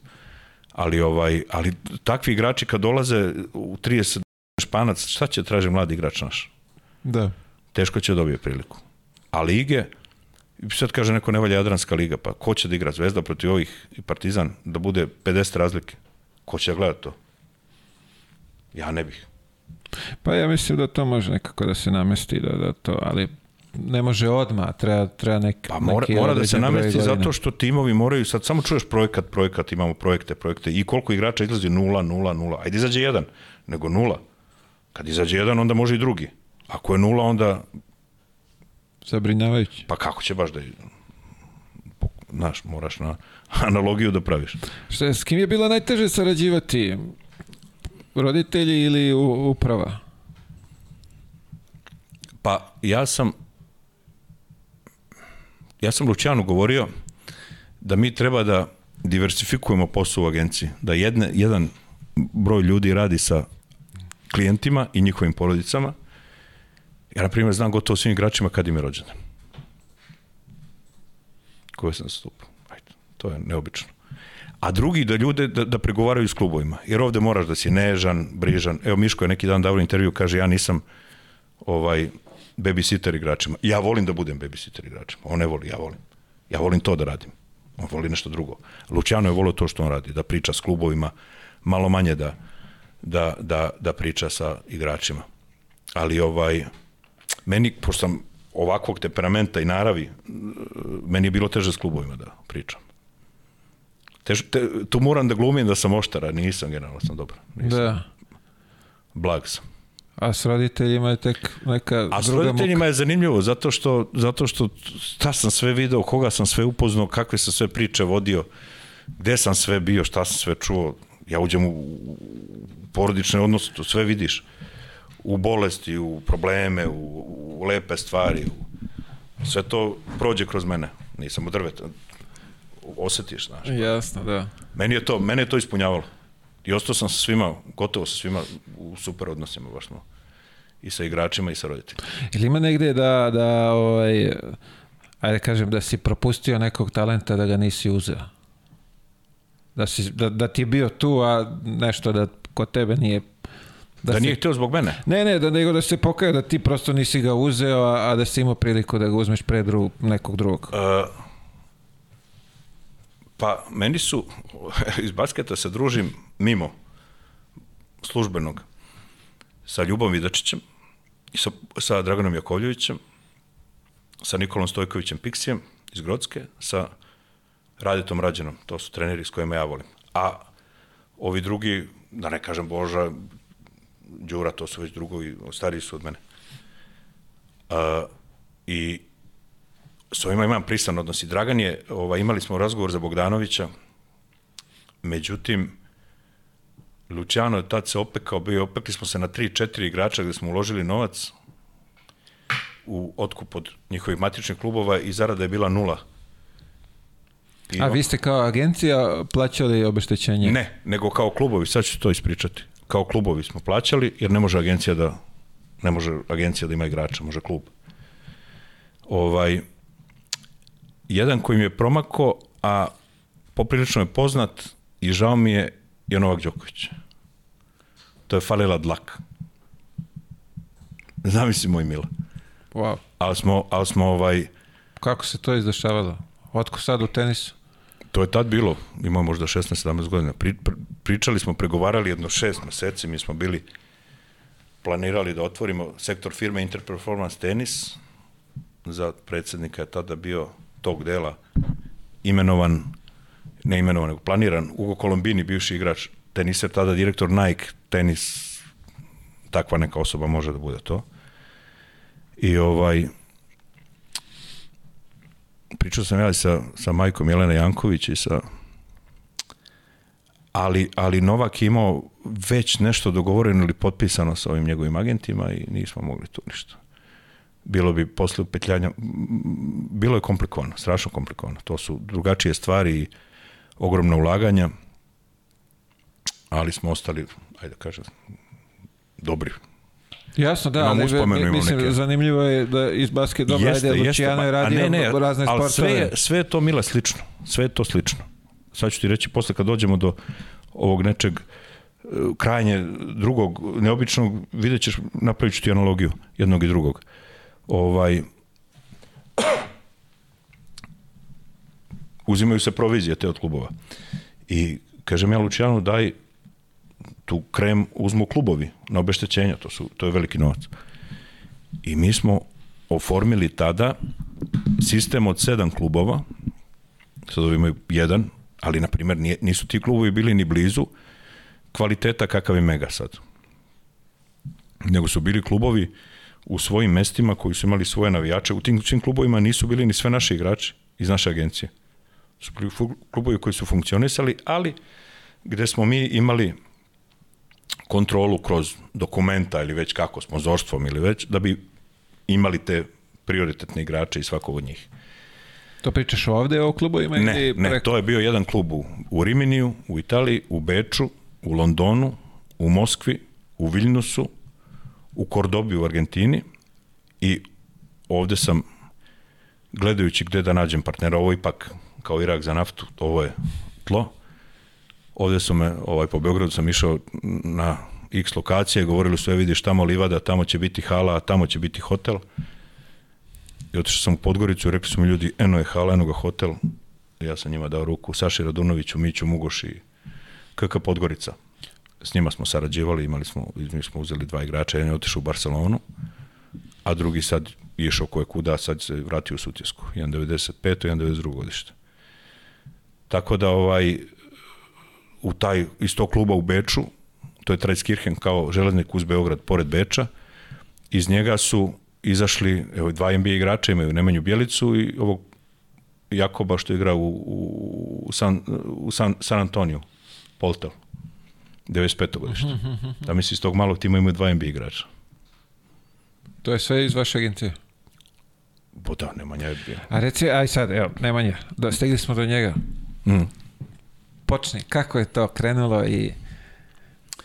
Ajde, iz Pre blokova dan- si ti, kapiram, to ste iz istih blokova, da ste Jesam, se tamo negde jesam. i videli i sve to. Ne, ne, ne, ne, on je mlađi od mene 14 godina. Dobro to, ali pretpostavljam, tu si ga video negde na tim terenima, Ma na ne, basketu. ne, ne, ne, slušaj, nisam, ovaj, ja sam skoro je pros, pravio proslavu NBA titule u, u Kraljevu kod Krstića, kuma svog u, u destileriji, divna je bila proslava i Krstić je kum Starovla, mene na Užičanin uzme mikrofon i najavi me da ja održim govor da pozdravim gosta. Bog zna kako me najavi. I sad hođe, tamo je bila gotovo cela reprezentacija sadašnja i nema ni drugovi iz detinjstva. To je mnogo važno da ti ostanu drugo iz detinjstva. Znači si dobar. Ovi što dođu nove drugove, nove kumove i to, to je, imaju problem u životu. I ja sam rekao za Nemanju tada da je, da je čovek koji je uh, osvojio NBA titulu, da je momak koji je dva puta odbio Barcelonu i da je dečko kome su aplaudirali roditelji i igrači Beovuka. A ti znaš šta znači kad ti, kad ti oni aplaudiraju, a igraš protiv njih. Eto, to je, na primjer, jedna ovako zanimljiva detalj. Ja sam završavao faks i malo se to odužilo kad sam počeo radim, naravno nisam jurio, nego ispit godišnja od tih 5-6. I moj drug s fakulteta, Vlada Ćuk, kaže, imam jednog brata od, od ujaka, igra košarku, ja sam dobro, igra košarku, svi igraju. Ajde, pa drugi dan, pa treći dan, pa peti, pa drugu nedelju.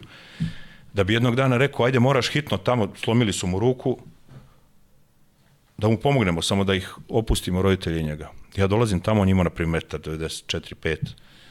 Neki su ga mangupi sahvatali onda u bloku 70 i slomili mu bejsbol palicom ruku, desno. Mm, Jest. I ja ga onako pomazio, ne pa šta ja znam, sedim kod deta kući roditelja. Što prvi put ga i vidiš, da, tako. Da, da, nikada nisam vidio. I kažem, ajde polako.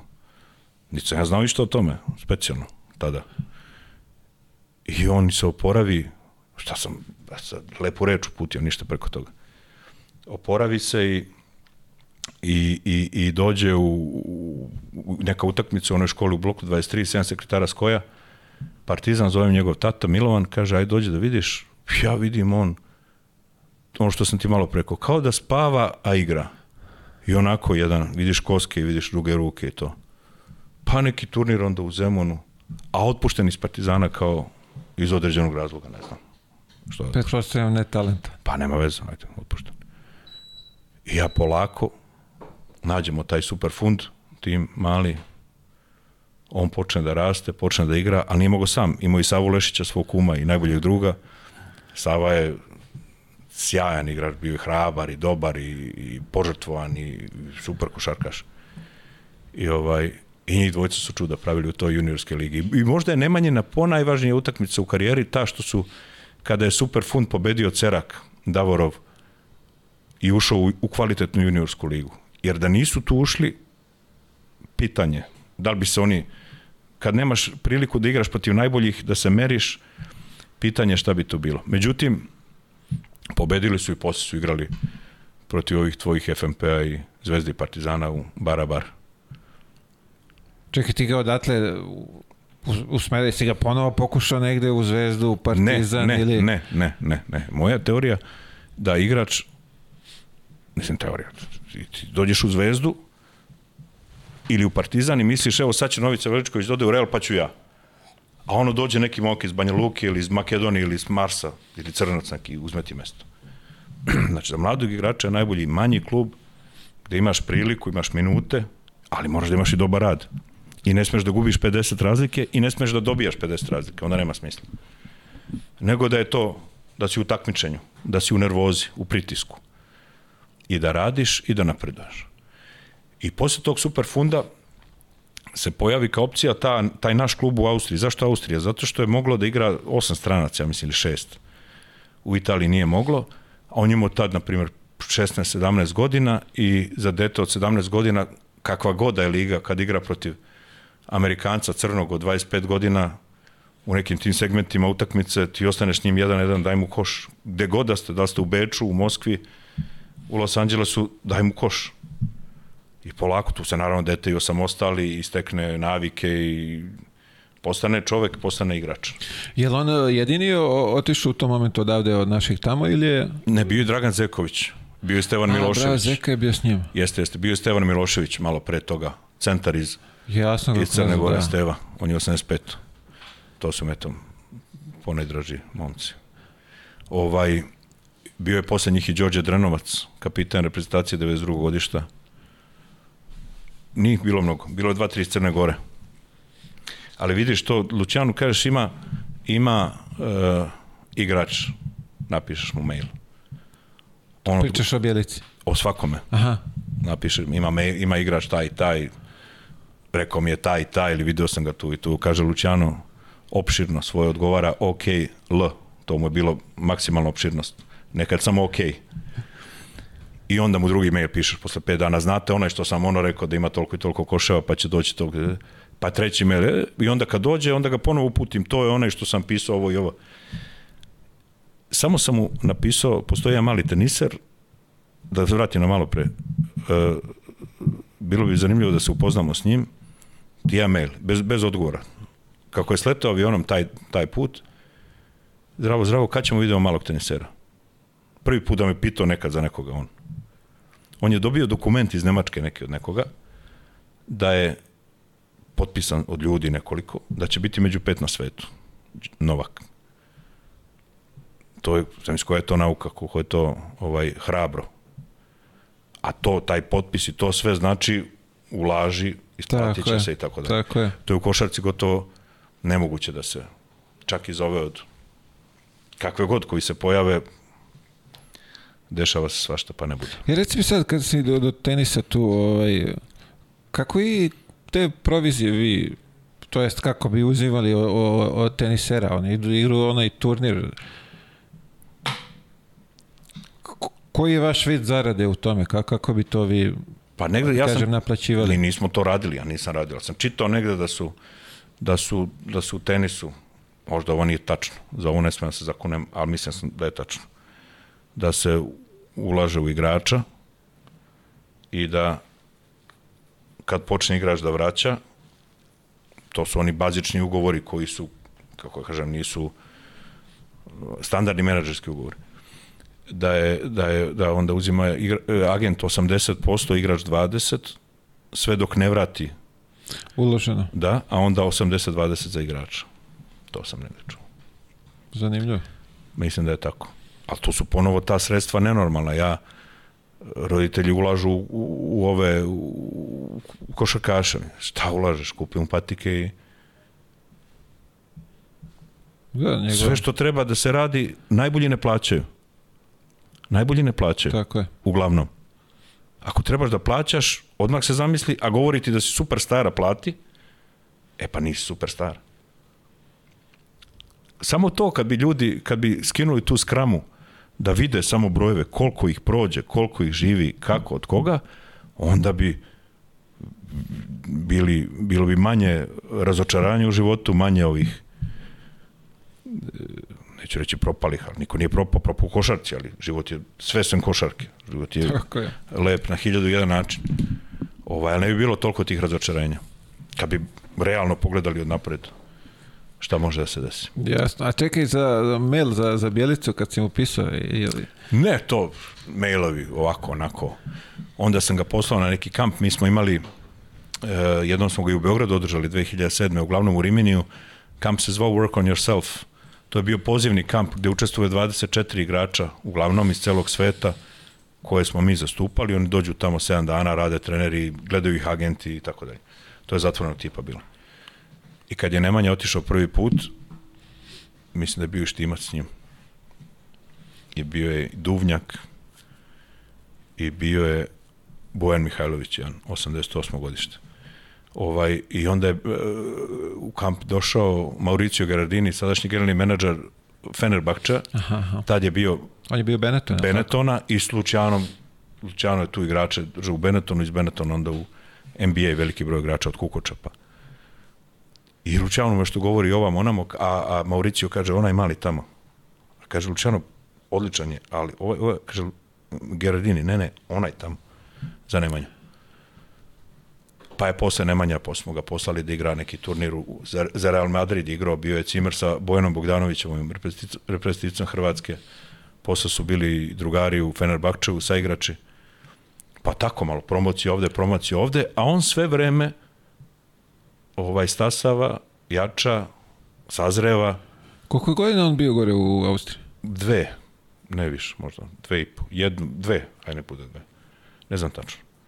I kako se posle desilo da, da ga Desi, dovedeš u, u zvezdu? desi se da da dođe Opačić za direktora Zvezde mi smo tad zastupali Pešića i kaže, ajde, sad su oni ušli u te neke dogovore, pošto oni znaju i mimo nas, mi smo samo bili tu kao neko ko, što treba agenda radi, da uradi ugovor i da, da, da spoji dve strane i da kontroliše poštovanje tog ugovora.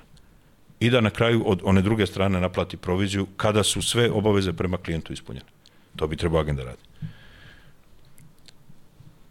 Dođe Pešić, sad se pravi novi tim, Slobo Vučićević, predsednik, Drakulić, nema igrača, ima nekih. Tu je Tadir Dragićević kao glavna zvezda. Dođe Kešelj kao super. Dođe Štimac naš kao, kao ovaj, poću ti za njega nešto reći, kao MVP Baltičke lige, kao, Da, jeste, on kao je beše, klinac. beše on bio tamo u... Bio u Žalgirisu, pa je pozdravljen bio u Valmeru, u Letoniju igrao. Tako je, Letonija, Jeste, da. ja sam išao, obilazio ga gore, to je bio zvezda. Kao klinac bio zvezda. A plus što mu idu jezici, pa je govorio litvanski i ovo, super se snašao tamo. I onda u jednom intervju rekao, u kuriru video sam ovako, a to mu nisam rekao, ali on, vidjet će ovako. Ja ga mnogo volim, on mene. Kaže, ovaj, nisam imao da jedan spasio me Marko Popović. Koji Marko Popović? Onaj Hrvat playmaker. On. A, gore u Žalgirisu ga su bili zajedno. Jest. A ne kaže da ima platu 3000 eura i plaćenu stan i kraj. Pa kako je mogo da ne ide? Kakav Marko Popović? Ne znam gde je on to, ili je to novinar nešto iskonstruisao. Pa, vidi, da. Pa. To je nemoguće, pa šta, ako mo, mogu da ih zapališ, da odigraš sve na dvojku na Juventus, pa da, da nema. Pa da, Da, ne znaš se kol, koliko je, ovaj, kako je trošio, ali dobro, da, zanimljivo je. nemaš, nemaš. Sve rekao dvojku za Juventus. Mene zezaju i za drugovi. Imam raznog društva, a gro je van košarke. Kako nemam pojma da prognoziram. Se... Či nisi za kladionicu? Ništa ne znam. Ne, imam ja mišljenje svoje, ali Jasno, Ali da. sam se opekao 2000, na primjer, već 10 godina ne igram kladionicu. 10 godina imam u novčaniku dokaz zašto ne igram. I dan danas. Ne, ne, nikad. Igrao sam uvek kladionicu 50-100 dinara, pa da nešto napravim tu, neki tiket. I tako sve. I u- kod jednoj kladionici, kod mog druga Gage, u Kumodražu, uvek sam tu uplaćivao. I igra Fenerbahče, meni stric vodi Fenerbahče protiv Partizana u Beogradu i pobede Partizan. Bila gusta utakmica, bila kvota 3,7. I ja to spojio s neke 2-3 i pobedim to, taj tiket. Zaradim, ne znam, 30 eura, 40, ništa. I iduću utakmicu igraju kući, pa igraju u Barceloni. I sad ja ponešem time kako igraju dobro, Vili Solomon, ceo taj tim, Zove mene Bogdan ujutru 10 sati da vidi šta radim. Ja sam negde pijem kafu s nekim. Kažem ja njemu onako običan razgovor. Ja mu kažem što te ovo pocenjuje ove kladionice ovako? Kaže on, kako pocenjuje? Ja kažem, stavili su hendikep 17. Znači, Barcelona Fenerbahče. Kaže on, šta ti to znači? Ja kažem, pa da se izgubite sa preko 17. Kaže on, pa mi ćemo pobediti utakmicu. Ko će da pobedi? I sad on meni da u, u minut kako ne, igramo sjajno, treniramo, ovaj ovakav, ovaj je ovakav, ovog ćemo da ovako, ovako ćemo rubija, ćemo ovamo, onako koliko može u. Kažem, dobro, kladit ću se, kaže, kladi se. Ja nije znao. I odem kući, uzmem 500 eura, a igrao sam po 50 dinara. I u istu tu kladionicu, kod tog, du, taj neki Dule radio tamo, ja mu kažem, Dule, uvek sam se nešto tamo sprdao s njima i on gužvi to mu udarao na etikete i sad ne može ni sa mnom da časka, kaže, Boki gužva mi, je rekao, daj uplati mi ovo. Kaže on, šta ćeš? Ja rekao, evo ti stavi na Fenerbahče hendikep dvojka. Nisam htio da će pobeda, nego da izgube s manje od 17. I on ovako kaže, 500 eura. Kako on izgovorio 500 eura? Ona kladionica, oni mučenici, samo kao nojevi, ovako digli glavu, svi ovako gledaju. I kad su videli da ja igram to na tim mog strica, svako je stavio sve što imao na tu utakmicu. I zvao i tu, tu valjda u dva popodne više nije mogla da se igra. Znaš, što je buknula, buknula informacija. Ja kući sad čekam 1.85 kvota, da ja lepo tu uberem 400 eura i gledam utakmicu, sandvič, Coca-Cola. Polu vreme 21, finale 43 za Barcelonu. Uništili, ih, znači iza leđa ruke rubio Fran Vazquez, onaj kuca onom u lice, razneli su ih. I ja zovem ovog tog vlasnika jedne kladionice, tu sam plaćivao, rekao, druže, rekao, ako nisam danas zaradio Maldive za dve osobe, nisam ništa te, od tebe. Jer je strovaljeno para i para. Da. I od tad, Tačka. tačka. Da, zanimljivo. Pa jeste. To je to, to je to. Oni pomisle tiket, svi- čuvam oni, tiket u novč- u novčaniku. Da, da, ali oni pomisle svi, evo ga, namešteno i dojava. A najbolje i... kad mi kažu jesi dobio, a ja pokažem tiket, pa ne bi imao tiket da sam dobio, onda uzmu. Tako. Au. Nema doja. Da, ajde da se vratimo na Bjelicu i na Ajde. Zvezdu, dolazak. Kako je to sve? Pešić, nova ekipa. Pešić pravi tim i sećam se, sedeli smo, tad smo se svaki dan viđali. Sedeli smo u Hajatu, ima neki, ne dole, nego gore na nekom spratu ima neki restorančić, kafić, na sedmom, na primjer. I tu on sad, ja, klinac ponovo. Ja, ne, ne petljam se ja u trenerske nikad, pogotovo sa ljudima koji su drugovi mog strica, vodim računa da ja tu ne postanem, da ne idem preko mere. Iako bih možda hteo. I sad ima on ovog, onog, dođe Videnov, naš igrač iz Real Madrida, Bek, Filip, isto jedan super indivan momak. Tu je bio, ne znam, Kikanović, ovaj, on, da, da, da. I ja kažem Pešiću, evo i ovaj mali pjelica. Kaže Pešić, ko ti je taj?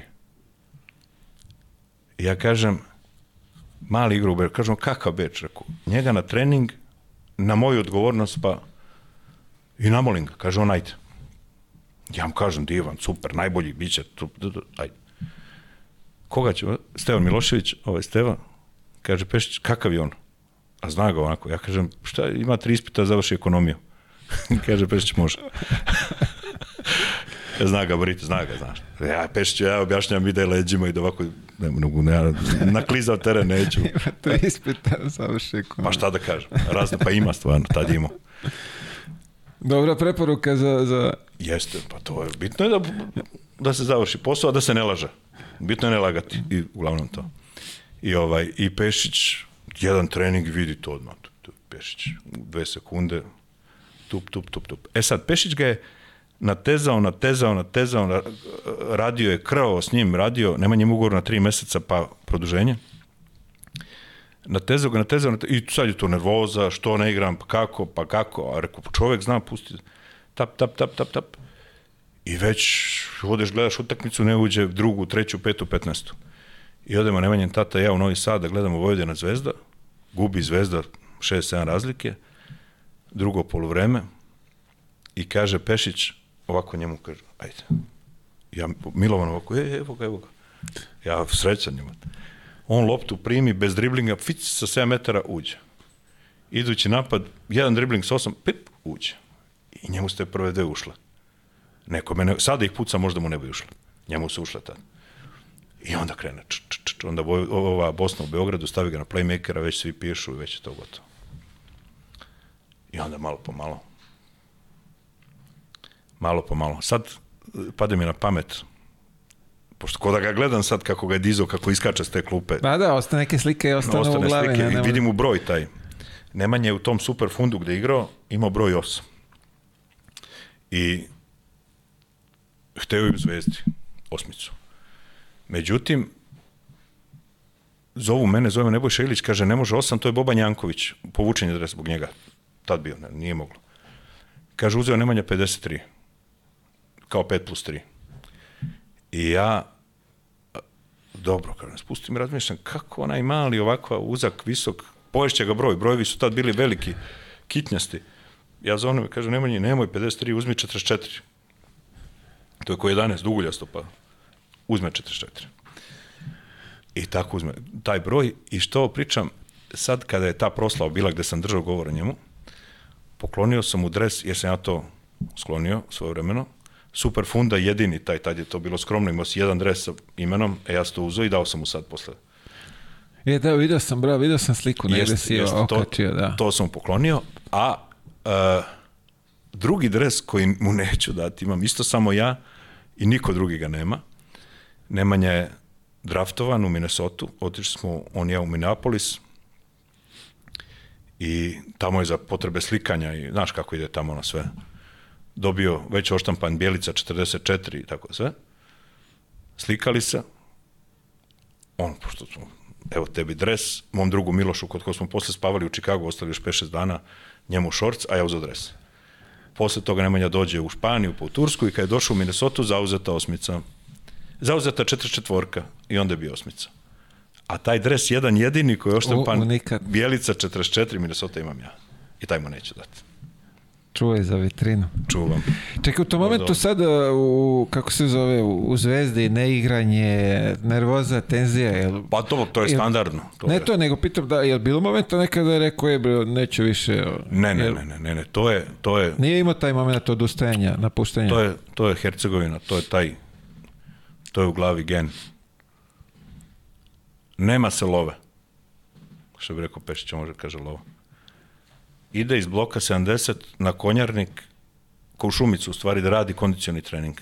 Jedan tramvaj, pa autobus, pa pa ga tamo slomi trener, Jan Popović, moj drugi atletski ovaj, trener, Nemanja se vraća, pa mu se sloši, pa izađe iz autobusa u neko žbunje, povraća od muke, nema se za taksi, pa kući, ručak, odmor, pa popodne ponovo, isto to. Kad to prođeš, Posle ti sve lakše. pa lakše, naravno. Ako tu ne odustaneš. Još ako vidiš to da, da ti neko veruje, a Pešić je njemu verovao, onda se samo pustiš. Ovi samo treba naši da se puste. Onda bude šef. I eto, prvo mesto. Ček, prelazak sada ovaj, uh, ajde, vodio si ga od Superfunda, Austrije. Imaš, imaš, imaš igrači u momentima, govorimo o igračima koji mogu da biraju. A to je najlepše. Ja, nešto me ne, ne zadovoljava to, ajde sad stavi igrača u neki klub, ne znam u kojoj zemlju, Češku, Rumuniju, i uzme proviziju, trebaju mi, mislim, pare me ne čine srećnim. To mi je možda i problem za ovaj posao. Čine me nesrećnim ako ih nemam, ali ako, ako, ako ih imam, potreban ili nedovoljan uslov bi čovjek bio srećan. Ovaj, I nije me to ispunjavalo, iako bi uzeo tu neku proviziju. Ali ovako da praviš karijeru nekom, da mu gledaš dva koraka unapred ili korak unapred, to je već, to je stimulans, to je, ovaj, tad radi adrenalin. I igrači biraju, neko ti kaže hoću Euroligu, neko kaže hoću tu i tu zemlju, neko kaže neću ovog trenera, neko kaže hoću da živim na moru, a neko kaže hoću ko im plati 1 euro više. Ima raznih zahteva, Da, da. znaš i sam. I od tih svih klubova tu koji smo imali, ima- bila je Minnesota ga je htela odmah. On je Posle drafta. odmah posle, posle te sezone druge u Zvezdi, gde se nešto u Zvezdi ispovređivali igrači, da li bilo problema s plaćanjem, Trifunović je bio trener i on pusti njega i Štimca da igraju onako a la carte, da rade šta, šta im je. I tu su oni bljesnuli u, ta, u tom drugom delu sezone te druge Nemanjine u Zvezdi. Iako je kod Pešića u Partizanu u punoj sali šest bacanja, šest, šest puca u zadnju minutu. To sam ja vidio. Onda je pucao i šest, četiri, dobila bi zvezda, ali kad puca šest, šest, a onih ima 7000 crno-belih na glavi, to znači da imaš, imaš žicu da budeš pravi igrač. Kako si mu birao posle klubove te? U dogovoru? On je, on je birao. Mi mu damo ovako, imaš ovo, ovo, ovo, ovo, ovo, Vi mu iznesete na sto šta ima. I šta je dobro, zbog čega, ima ovo, ima ovo, ima ono. I, i on je odabrao ovu zbog Ivanovića, bila je dobra finansijska ponuda, a i bili su prvaci Španije tad kad je on otišao u, u Vitoriju. Tu dođe i Musli. Da, ali drill kod Ivanovića nije baš ovaj... Ja, drill, drill, šta? Šta? Drill, drill, to je stil. Čovjek napravio rezultate, izbacio neki igrače. Tako je, da. Mi smo sa tim klubom, mi smo znali da taj klub zna da prepozna i, i, i da promoviše mlade igrače, jer su tu imali onog Tjaga Splitera i Skolu i mnoge ove Argentince pre svega koji su Tako odatle otišli u Ameriku. Ovaj, I ostaje tamo tri godine, to je divan, tu se rodila mu i čerka i to je onako mali, nije mali, pristojan divan grad u Baskiji gde se za život, tako da mislim da mu je u lepom uspomenu ima prijatelja i svi ti njegovi saigrači tada im, su sad u, u, u mnogim boljim klubovima, od onog Pau Ribasa, pa ovaj RTL što igra za ove, pa ne znam, igrao je Noćoni s njim, pa igrao Ne, ne, ozbiljno su Fa, oni... Fabian Kozer, šuter, bek, pa svi su bili, vidiš da su dobro re, skautirani, Da, da. jer su sada Jebe ga, i Đorđević je postao Đorđević kada dao trojku u Istanbulu. Ima 25 godina. Znači, polako. Ja igračima najviše govorim polako, polako. Neće da svane pre zore. To je, Trpljenje je to mi bitno, omiljeno. ali ne može odmah. ne može odmah. To nije lako. Tih pet godina ili četiri, njima je familiji kao 50. Meni je 5-5, a njima je užasno teško. to. A kako nije odlučio ovaj, posle, ajde kažemo, posle Vitorije da, da, da, da ode za Ameriku? Nije, zato što ga je zvao Bradović. I tu je... Šta je tu prelomilo? To je sad? Željko, Željko. I raditi s Obradovićem jednu godinu i, i isto tako dobre financije i, i u Istanbulu i to je već drugi put da, da Barcelona izvisi E da, to si napomenuo da je, da, da je Jeste odbio prvi dva put puta. posle Zvezde i posle, posle uh, ove Vitorije. A šta je bio razlog, zašto nije Pa zato što su mu, ovi mu se malo više svidali. za nijans? Da, a ja sam oba puta bio za Barcelonu. I ovde, i ovde. Ko su bili treneri tamo? Ne sjećaš se? Ne znam. Ja sam, ja sam ovaj... Mislim, kad sam Andjušića vodio u, u, u Virtus iz Bolonje, tad Virtus nije bio ovakav, bio je klecno malo, ali ponovo Virtus iz Bolonje. Sad ja ne mogu, ja shvatam da ja ne mogu njemu da dočaram šta je to, kakva je to, da se ljudi celu karijeru čekaju, ne bi li igrali ili trenirali tu baš. Kakva je to organizacija, da, da. kakva je fama oko toga svega. Tako i Nemanje nisu, mislim kako ja njemu on je klinac. Ja probam, ali ovaj, imamo odnos taj gde se i svađamo, naravno. Ovaj, i, i, ali je odabro ovo. Odabro je Fenerbahče i Je bilo još neki, pretpostavljam da je to bilo krš neki ponuda na, na stolu za njega. e, to, to, ta dva su tako iskočila sami, Fenerbahče i Barcelona, da je ostalo samo ta dva. I prelomio, ja sam čak nešto i organizovao tu da. Ovaj, ja sam navio za Barcelonu, ali ne pitan sam. Mislim, pitao Nije sam... te poslušao, ali napravio dobar izbor. Ne kažem svaka čast i Fenerbahču, ja sam volao Barcelonu, ali eto, Fener je, Fener je ovaj, Fener, Fener. Obradović je Obradović najbolji. Od malog kluba iz Austrije do Fenerbahčeja, prvaka Evrope, MVP-a. e nije on bio prvak Evrope, on je otišao, on je otišao, Zar nisu osvojili bre oni? ne, ne, oni su izgubili tad Final Four, kad je on bio. Osvojio je Bogdanović uh, u Feneru Godinu posle, tako? godinu posle. Ali on je bio MVP. Bio MVP Evrolige, Tako a nisu evo. osvojili. Tako je, da. I osvojili su te godine, te godine su osvojili prvenstvo Turske protiv Galatasaraja, gde Galatasaraj iz nekog razloga zbog sudija ili nešto nije izašao na sedmu utakmicu. A, jeste, da, Tako da su im onako dodeljeni pehari bez utakmica. I prošlog leta ja to iskoristim i kažem mu čoveče, nešto on tu ima u glavi još neke. Ja kažem, idi bre, idi u Ameriku, idi, ovi ga zovu, idi tamo da uzmeš NBA titulu. Kažem, nemaš ti pojma. Stalno mi to govori. Ja kažem, čovječe, nisi ništa osvojio, jesi ovo, ali nije utakmica bila. I ti to, bar ovo osvojiš, najbolje što može. Eto, imao sam ovolicni doprinos da ode u Golden State Warriors, ovolični. Odnosno da ne ode negde drugde, u stvari, više to. Ovaj, i, i ništa, eto, tog, tog leta kad je bio MVP Eurolige sam dobio na kilaži, tad se najio, jer sam se 2008. kad je došao u Zvezdu kladio sa mnogima, uključujući Opačića, će biti najbolji igrač Evrope. Ovo je mali. A uzima, daj. Klađa, op, opklada, ajde, večera. Izvali su me jedan po jedan da plaćaju. Nisam ih ja podsjećao. Zamisli to.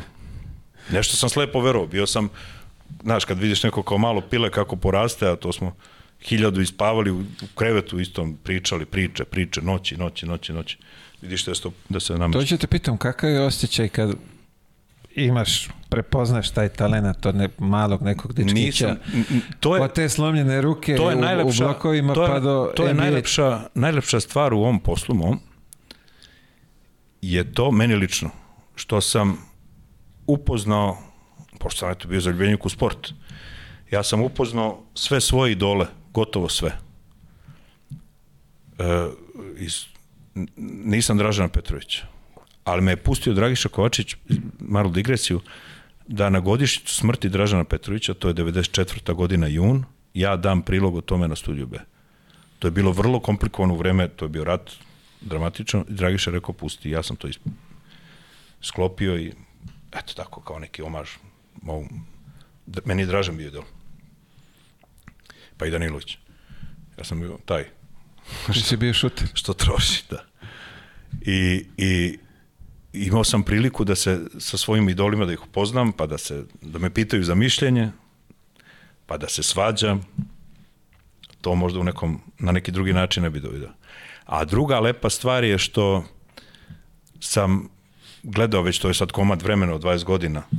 To su par ciklusa onih da vidiš kako neko pilence, jedna porodica kako raste kroz to, kroz karijeru i kroz sport, kako postaju ljudi, postaju očevi, postaju ovaj pravi momci, pravi ovaj drugovi muževi. To je baš lepo. i tretiraju me onako kao svog. Ček sad, a, ti ga... Baš zato što ovaj kaže ja ne volim, ja baš volim to da budem tu, Jasno, da bi imao da, taj da, da. osjećaj. Jer da nisam tu, Dobro, različiti, svi smo različiti, Apsolutno, svako ima svoje apsolutno, ovaj, apsolutno, neke apsolutno, stvari koje apsolutno. voli, ne voli. A Miška sam nagovarao pre, znali smo mi da ručamo i godišnje jednom, dva put. Jednom sam nagovarao da otvorimo Mega Interperformance, bilo u Čanotu. Da se spoji Mega Interperformance i da se napravi Mega Interperformance. Nije mu se svidjela ideja. Ne, smeškali smo se, nije to, nego je on ušao tad u partnerstvo sa ovim Amerikancima koji su mu napravili ovaj, Aha, aha, aha. ovaj ogroman autoput ka NBA-u i onda mu nije trebalo to. Jasno, da. Miško je već dovoljno veliki. A reci mi sad ovo, prelazak Nemanja za Ameriku, to je moment kad vi više niste, ne, Ne. zastupate ga. Ne, ne. Tad, tad ga već ne zastupamo.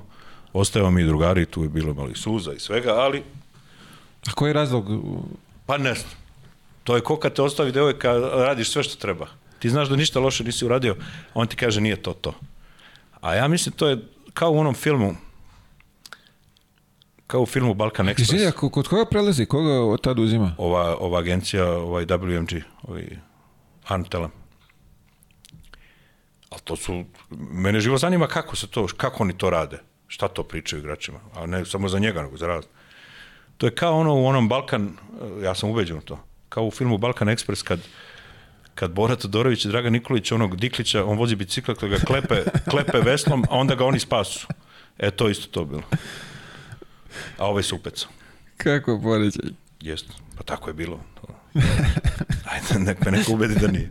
A ne, scena iz filma. Isto. Pa jeste, jeste, to ti je znači. Prvo ga oni izviznu, onda ga oni kažu, "A daj, mi ćemo. Partizani tebe, a mi te spasili. A to je. A, a, a nikog nema sem nas da nas spasi.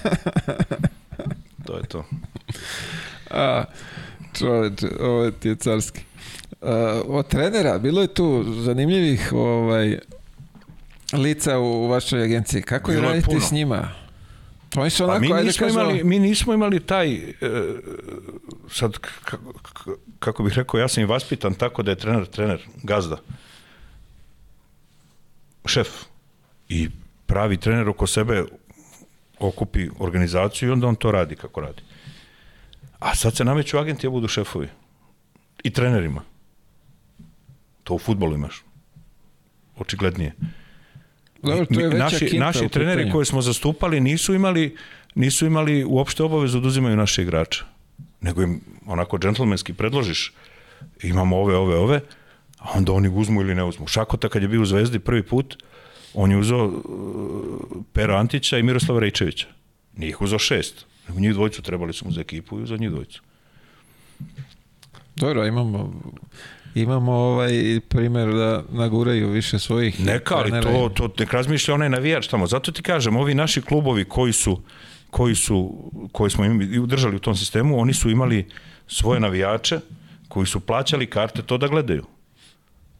Dok ljudi, to je u stvari merilo, merilo kvaliteta, broj prodatih karata. Vidiš sad, Alva, ovaj, kao Alva idu karte za Zvezdu i Partizan, jer ljudi očekuju nešto, nešto veliko tu da se desi. A Šta ti Ja očekuješ kažem, kad ja sam rekao, ja sam rekao ima, ne znam, ajde da ne, gr- gradove ne imenujem. Stavi da je karta 500 dinara. Kaže, "E, pa kako niko neće da dođe? Pa što- to su tri piva, to su dve litre goriva. Ako neko to toliko voli, kao što ti kažeš, pa daće 500 dinara jednom u dve nedelje.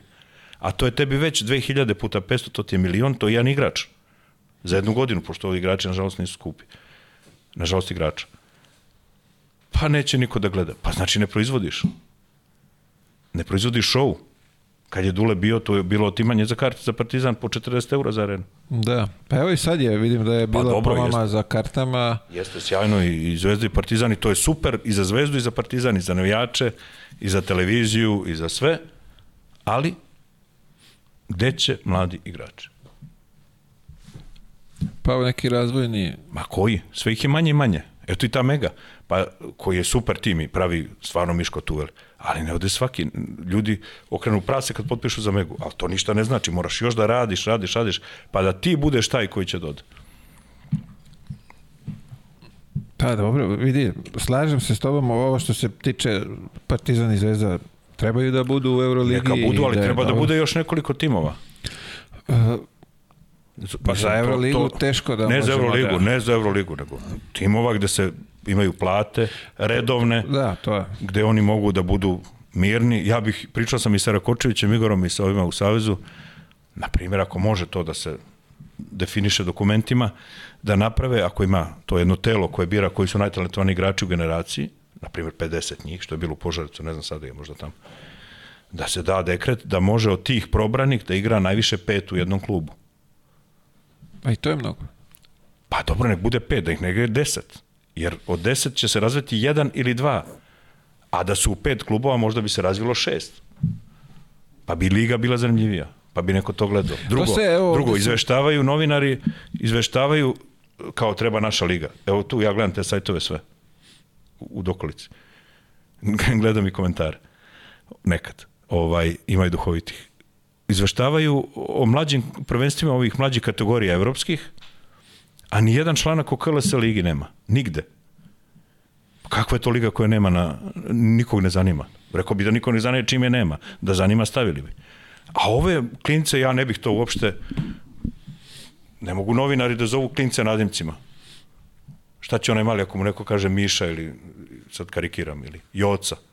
Šta će Joca da misli da, ako me zove ovaj glavni novinar Joca, pa ja sam car. A, a to je ljuljanje, to se prave karakteri, to se stvaraju ličnosti, treba da tu u tišini, u mraku, polako. Ja sam Nema to I, nikakvog I smisla. ovde goste, ove prethodne koji su pitali, koji priča, pričali, koji imaju veze sa tim, aj kažemo, klubovima, mlađim selekcijama, pitao je da li je stvarno njima toliko bitno da nakrcaju u ekipu tu svu talentovanu decu, da li je ta njihova titula toliko bitna za klub, a posle ćeš da ih izgubiš.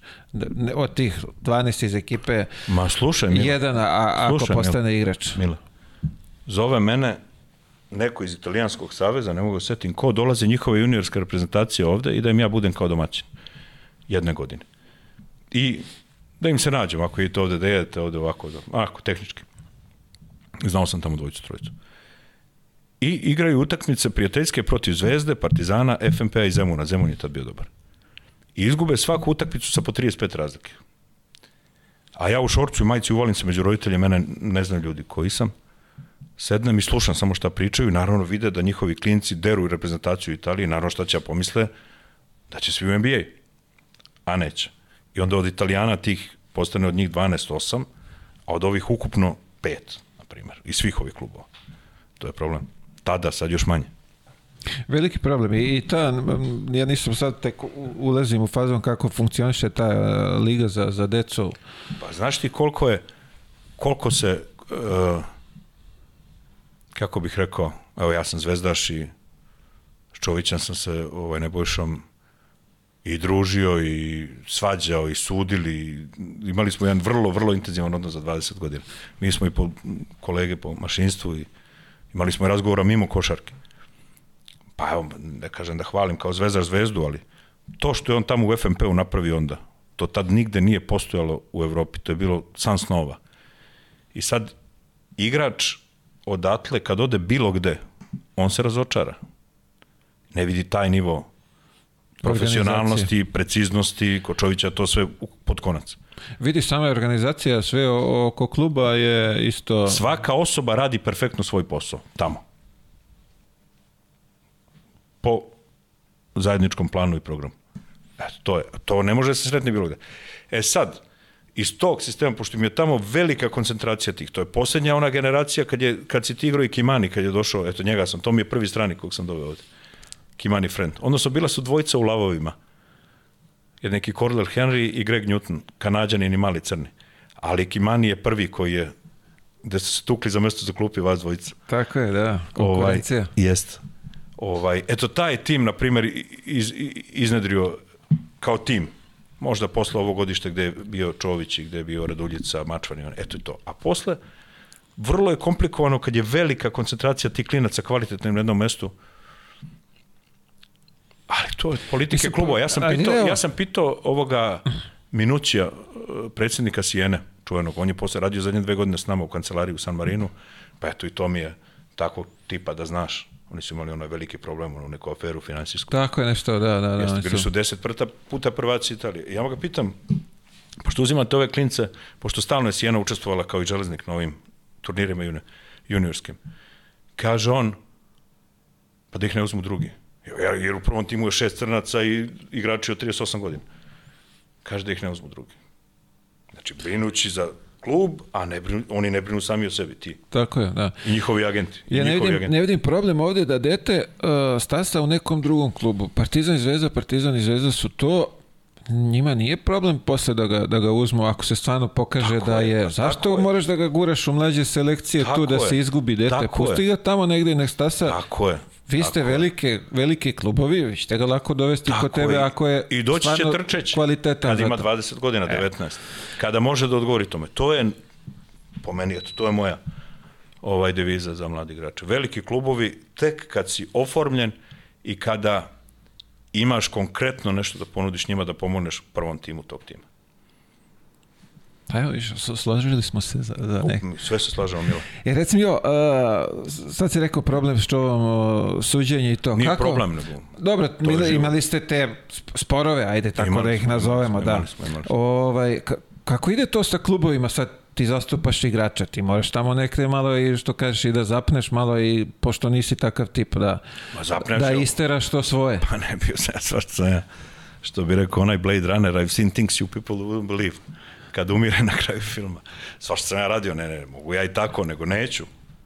Razumeš? A Ne, dobro, dođe u nekom Neću, momentu, pa dođe dođe, da, da nema, morate da nisam tak- završite na arbitraži. Bože moj, arbitraža i pije se kafa i gledamo šta će biti na arbitraži. Ja i ti se posvađamo, on nam tamo sudi, kako presudim i tako ponovo ruka ruci i nastavljam. I nastavite dalje. Jeste. To je veoma zanimljivo. Jeste, nema tu ličnih stvari. Da, dobro, Sve to je to kao biznis. pa nekako Jeste. da. Bitno je ja, samo bi da zaštitiš klijenta. Ovaj, shvatio lično. pa Pa ne možeš lično, sa nije, svima. nije, nije, nije, nije, jer, jer postoje, ti praviš ugovor tako da obe strane budu koliko toliko zadovoljne štiteći klijenta pre svega, ali s druge strane klub stavlja određene klauzule štiteći sebe o ponašanju, ome, onome. Igrač uvek da dolazi na treninga, da trenira, a ne piše u ugovoru da treba da 35 pojena po utakmici. To je znači loša procena. Ili ti u klubu otpusti onog ko je odabrao tog igrača ili odabrao tu šestoricu koju nisi dali ništa, ne može taj da bira i do godine. Ili može. Svejedno njihova odluka. A igraču isplati to što je radio. A pogotovo kad se desi povreda, pa klubovi beže od ispunjavanja obaveza. E tu smo bili rigorozni, tu smo sudili uvek igra, u korist igrača. Igrač se povredi tako da ne može da nastavi te godine ili iduće godine. Uvek smo ovaj vodili sporove u, i dobijali u korist igrača kad je povreda u pitanju. A ovako, ako je nešto, gledaš da se napravi neki kompromis, da igrač nešto malo zažmuri, da klub malo zažmuri, da izađe, najvažnije da izađu u novinama ovaj, i u medijima dobre e, reči, lepe reči jedni od drugima i to onda znaš, veruju treneri agentima, onako. Ali trener najviše veruje treneru. I svakom ja igraču kažem, šta ti treba da odeš sad tamo, nudimo te ovde, samo što nije potpis, on zovne tvog bivšog trenera, on kaže, ma pusti ga ovakav, onakav, idiot pijanac, šta, šta znaju da kažu. Može i namerno da kaže. Znam, ima, imao sam takav poziv od tebe. Mile, Kad si mi saopštio opasno, tako, tako vest. opasno je, opasno, nije, to su teški momenti kad se to saopštava. Ali nije, što, što je najgore, nije bilo Pa ovaj, nije. ni blizu toga. Pa da. naravno da nije, nije, vidiš. Čoveče, da je to bilo tako, ti ne bi sad držao ovu emisiju. Ti bi sad Pa. nastavio tako. Jer je to put kojim se ide kad se krene. Ali prošao voz, to je trebalo tad, to ti onaj skisko, tad ili nikad. Tad da, Da, je da. bilo. Znaš šta je važno? Važno je, ja sam pitao to Lučana sto puta, kako znate šta ste kome rekli? Kaže on, ne lažem. To je to, da. To sam, to, to ne sam lažem, pročitao. ne i- lažem, ali ne moraš baš sve da kažeš. On je meni kad sam bio klinac govorio na sastancima, kad sam odlazio na sam, negde, oslao me u vatru gde, gde gori. Kad je god problematično, ja. Uglavnom. Pogotovo ovde, ovde sve ja, ali i negde drugde. I samo mi je rekao, please listen and don't talk too much. To je osnovni savjet. Sve će ti se samo reći. Samo, Jasno, da. Samo i- ćuti. Pusti ima i da ona, uh, kad znam da, ovaj, da sam pričao istinu, nema potrebe da, da, da se plašim. Pa i nema, ba dobro, nekad e, ne mora sve da se kaže, to nešto i prećutiš, ali ono što kažeš valjalo bi da je tačno. Jasno, da, da nije laž. Valjalo bi da je tačno. Ovaj, opa. Kako si gledao, ajde kažeš, evo sad je Bjelica bio primjer prelaska kod I onda drugog dođu, agenta. jeste, i onda to malo se isplačeš, bude ti krivo, onda ti ode neki drugi igrač i kaže što ti? Pa otišao i Bjelica. Pa znamo kako to ima veze s tobom. Pa kaže jebi ga. Odu i oni i tako. Čekaj, sad se ti... Znači, na, mi smo ovaj, vrlo to, sad će Nemanja se smeje reći šta pričaš. Mi, vrlo je teško, odnosno vrlo je lako nekoga iz Superfunda dovesti do neomeložavajući Superfund. To je jedna dobra organizacija bila, iz tog kluba su izašli i Lučić, i, i Bjelica, i, i Ljubičić Marko, i, i, i, i još jedan, četiri su dodatli igrača izašli. Sava, Lešić. Ovaj, vrlo lako bilo nekog iz Superfunda, iz tih škola svih po Beogradu i tih dečjih utakmica, pa polako, pa na rame, pa polako, dovesti do MVP Eurolige. A onda je bilo vrlo teško MVP Eurolige odvesti u draftovani tim. To su, Koji je već draftovan? to su stručnjaci uradili, da, da. To mi nismo umeli. Niste znali, viš, niste znali za taj level, ovaj, Da, da, to je nešto, to je nešto posebno. tu ste trebali neku veću ovaj, studiju da završite. Ali sve, sve se dobro završilo. Nemanja je uzeo NBA titul. To je meni najdraže. I neki tim ljudima sa srećom doveli su go Golden State i stvarno ispunio snove. Pa i ja. Šta ćeš bolje za jednog agenta? Pa kako nije? Da. Da od deteta malo dođeš dotle. Meni ljudi čestitaju, nema to veze sa mnom, naravno. Ali su mi čestitali sad ceo maj i jun. Kom, ortaci komšija da, da ovako. Ko da sam ja to da. Pa ne, ali vidi, ti si deo njegove karijere i sad, naravno, ne, mnogo je to Mm. dao njegovog posla, truda, rada, Dao ali Sam. A vidiš koliko je tu sticaja okolnosti. Da mene drug moj, baš da je on sa mnom u grupi na fakultetu vlada, Ćuk, pa da kaže idi, pa da ja kažem neću, kaže moraš, pa me odvede, pa tamo, pa vam. To je poklopljeno hiljadu jedna stvar. Pa te dve trojke da uđu, pa.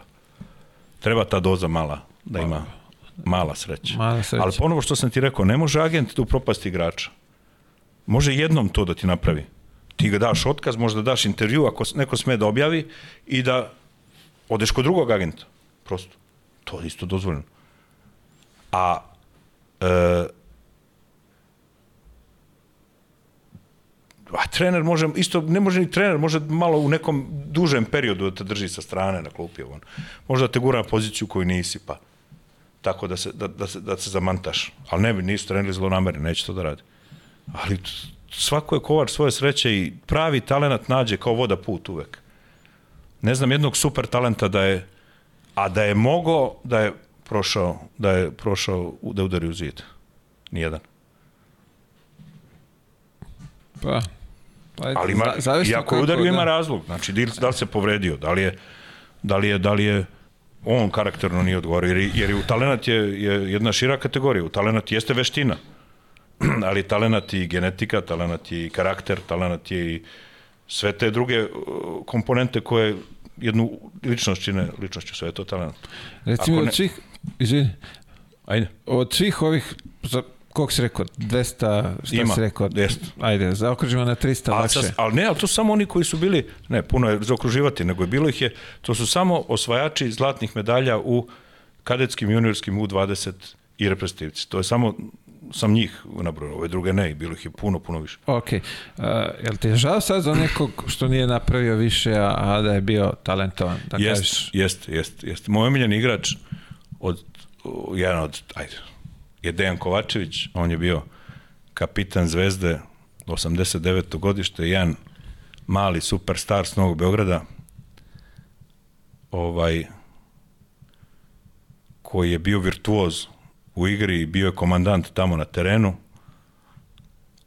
ali tako voleo i život, nije bio posvećen potpuno košarci. I to je jedan, eto, meni žal što nije što nije ovaj postao super, super igrač. U tom što je igrao, pa zamisli Mila igra čovjek za mlađe kategorije zvezde, al mangup. I kaže, Boki hoće na skijanje. Kaže, ne može skijanje, januar mesec igraju su utakmice. Kaže on meni, ma neće, ovi su ovi indijanci sve. Ba, kakvi indijanci? Bre? Kaže on to tamo u klub, hoće na skijanje. Kažu mu ovi, možeš ako daš tri utakmice po 30 koševa za redom, pa idi. 38, 36, 35. Kaže, "Jel može sad? Može. Takav je bio. Ali, kažem ti, nedovoljno posvećen košarci, a sjajan momak i, i verovatno sjajan ortak svojim drugarima. Za njega mi je žao. Pa dobro, vidiš, da. Ali opet, sam kovač svoj sreće, ali tako? Pa ko znam, mislim, neće on propasti u životu takav, sigurno tako da, da ovaj, ostao mi je baš lepo uspomen. A, Ja za- volim takve tipove. Ne volim ja one štrebere i to. Volim ovakve. Te su mi... je rekli ovi moji neki ovaj, prijatelji, volimo, volimo ovaj tip igrača što znaju da izađu i da popiju i zapale. Ja bih rekao, volim tip ljudi koji znaju da popiju i zapale. Ne mora igrača. Igrači su isto imaju život kad se završi to na, između dva koša.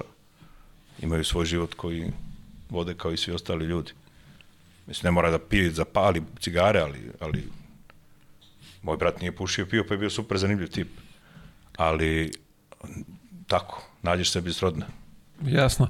A, bio si u ženskoj, zastupali ste i, i, i ž- ajde kažemo, devojke u... Jesmo, jedne, jednog dana, to ima tad ne, ne znam koliko, zove me Marina Maljković, mi smo se znali onako, i kaže ona meni, Boki, ja bih volio da me ti zastupaš. Ona je već bila trener reprezentacije. I sad tu i nekoliko igračica bi istutovalo. Milica Dabović, Dejana Butulija, Tamara Radočaj, uh, Milica Ivanović, da neko ne preskočim, Nataša Kovačević, naravno, posle. I ja kažem Marini, Marina, hvala ti, počastvovao sam na pozivu i rado bi ja to radio, ali ima jedna, ima mana, ima jedan minus, kaže ona koji, jer koja nemam pojma o tome, ja nisam gledao nijednu žensku utakmicu u životu i ništa ne znam o tome. Kaže ona, ne, nema to veze. Imali smo mi firmu, naravno, sa sektorom ženske košarke, ali ja lično nisam ništa, niti gledam. Ni. I ovaj, eto tu je, ali nisam ja mogao sa ženama, uključujući Marinu, sa tim devojkama, da imam odnos kakav mislim da treba da ima agent igrač. Ipak su to muško-žensko, ne možeš da kažeš devojčici ili devojci, što bi rekao dečaku, da, Da, bi, ga, da, da. da bi ga vratio u osu. Eto, to mi je bilo, nije mi se, do, svaka čas, one su posle, ili tad, mislim da su već bile prvaci Evrope, bile su super u, u Evropi. Marina, je, Marina može da vodi i muški selekciju bilo koju, jedan od najboljih trenera u Evropi. E, pitao sam je, da, pa sam ovaj, da vidim... Nisam gledao. Ni, video sam da je gostovala, nisam gledao. Da, pitao sam je, pa kao, ako bi bio zanimljiv poziv, ovaj, da zašto Ako ne. može sudija ženski da sudi, može i Marina lagano da vodi Ja sam ubeđen da može. mušku ekipu. Pa što da ne bi, to je matematika, Marina je briljantna. Ja sam ubeđen da briljantna. A može. ima i karakter trenera. Sve što Jasno. treba da ima trener, ona ima. A reci mi, uh, Nataša Kovačević, kad se desio taj nesretni slučaj, Ja sam upoznao Natašinog tatu u, u to je bio negde maj, jun te godine i nisam nikad Natašu video kako igra pre. I pričali smo tako, naš uh, agent koji radi u žensku košarku, Adam, on je živeo u Mađarskoj, je sve superlativ u njoj kao super talentu, ja sam to posle malo, posle sastanka s njim sam ja to pregledao. I tako kao jedan jednu zvezdu od 19 godina ovaj uđe u tim Evrolige u Đer kao stranac i super je počela, nažalost desilo se to što je se što je sudbina okrenula život. Ovaj pričao sam to sad u jednoj emisiji skoro, nije skoro, godinu dana, godinu i po kod Milana Kalinića u ona je bila gost i njen tata, pa se ja nešto kao gostovo od kuće ovaj, nije od kuće, snimali su me ranije kao iznenađenje njoj za taj period, ali to su ti momenti u životu kad, kad se dele ljudi nove i one jesi ili nisi, ona je pokazala sve što treba pokaže jedna, jedna, jedna, jedna, gromada, jedna ljudina, to svaka čast i njena familija naravno. Vidim sad treba da dobije bebu i to je divno i Ima vrlo, Nataša ima vrlo sadržajan život. Posle te sticam okolnosti, te stvari su se neke poklopile, zahvaljujući i Čoviću i osno, osnovala se fondacija i Kapikioniju, pa onda su, ona to radi sa familijom, pa, pa, se, pa bila predsjednica košarkaškog kluba, pa u FIBI, pa, pa tako da ona ima, završila škole. Nataša ima jedan divan život. Tako Sad će nije, biti majka. Rekao bi da je, da je, ovaj, Kako da ne? je dobila mnogo više, ajde da kažemo, nekog mo- motivacije posle svega toga. Pa pazi, i, rekao sam ti da nisu, nije sve u, u novcu. Ta karijera vrhunskog igrača nosi novac. Ali nije ni bez novca, a nije ni bez obaveza, znači vrlo je raznolik i lep život. Dobila je neke priznanje od francuske države i film i spomenik i ovo i ono već je ovaj Nataša jedan važan faktor u, u javnom životu sportskom. Ne, zan- zanima me taj moment, ti si u tom momentu, agencija je predstavlja, tu ste... Ma ja sam u tom momentu kući i imam, imam parezu facialis. Imam upaljen ovaj živac ovde, usta su mi ovde, oko mi ovde, potpuno sam iz okrenutog lica i ne mogu da govorim. I zove me agent, taj Adam, naš iz, iz Mađarske i plače. I jak šta je, ne, još ne mogu da mu kažem. Ne. I on mi kaže to šta je bilo, ja klecnem, ono, užas još je Milica Ivanović, druga igračica, bila s njom, ona je pala preko Milice, pa tamo nešto otišla ta noga. Ovaj, I ja sad ponovit ću ovo što sam pričao u, u toj emisiji kod Kalinića. Sad dođe ona na VMA, pa sad treba se ode u bolnicu, mene to prođe, to su inekcije, inekcije, inekcije, mene ispravim se. Idemo u posetu. Dođe Kapikioni i ja povedem i Nemanju, Bjelicu, krene Andjušić i krene Đole Drenovac sa mnom i s Kapikionijem da kao da je ohrabrim. I sad hodam ka VMA i mislim kako ću, šta ću, šta je tamo, gde ću, familija njena, ono, tata je super, a ove druge nisam vidio brata i majku. Kad mi tamo, ono, u sobi, ajde upadajte, osmeh ovakav, još ništa to ni ne, onu nogu ne pokriva, onako u šorcu. Ja sam zapanjen ostao. Ja sam razmišljao šta ja treba sad tu da kažem, da malo dignem ovako, Da, da, da da, se neko da. nasme. Ma kakvi. To čudesna jedan karakter i, i persona. Svaka je čast. Isto Hercegovina. Svaka je čast. Da ne, da, da ne promašim to. Bjelica Kovačević. Svaka čast. Vi ste oko, ovaj, kog sam vidio tamo, napravili ste tu fondaciju, ti si u upravnom odboru, tako Jesam, nešto. jesam, više formalno jesam. Kako to nisam. funkcioniše? Pa Nataša se bavi tu pomoći sportistima koji su hendikepirani na sličan način, prikuplja neka sredstva i pomaže im u, u njihovom životu i eventualnom daljem bavljanju sportu što je komplikovano i pomaže razvoj ženske košarke kroz škole košarke, kroz te dečije, ne znam, kampove već šta. To je više jedna, jedna ovako delatnost kao hobi. Hajde sad da pređemo na ovaj sport što svi volimo, a, a što smo u stvari svi selektori tog sporta. Kako si ti došao, to jest kako si odlučio da ti pređeš u futbalu, to jest u rudar. Uh, pljevlje, tako? Ne, ne, mislio sam reći košarku, kako je sad selektori. Jesmo u stvari sad. Pešiću bi. Pešiću bi svi objasnili šta treba da radi. Tako je. A dobro, u futbalu smo tek Futbal, futbal, majstori. futbal, ovaj, bilo mi je žao da to, ja živim pored Partizanovog stadiona blizu, tu mi je Zvezdin. Imam puno drugova koji su iz futbala i št- što ovih ovaj, igrača, bivših trenera, tako. Kroz život upoznaš razne. I ja sam futbal gledao redovno, od prve utakmice Zvezda Zagreb 82. to me tata poveo, bilo je 3-2 za Zvezdu. Do onih, imao sam pretplatnu kartu, znači s 14 godina išao sam na utakmice, to se tada išlo, nije bilo ovoga, ovih razbojnika. Gledao sam sve to do otprilike 96. 7. I posle uopšte nisam, sem reprezentacije Zvezdu i Partizan, ponekad onako upalim, pogledam. Jer smo mi tih godina, e sad da li je to dečački ili mladalački, ali mislim da nije. Svake godine kada počinje kup šampiona ili kup UEFA za Zvezdu i Partizan, mi smo ko za koga navija, mi smo se nadali da će taj tim da osvoji to.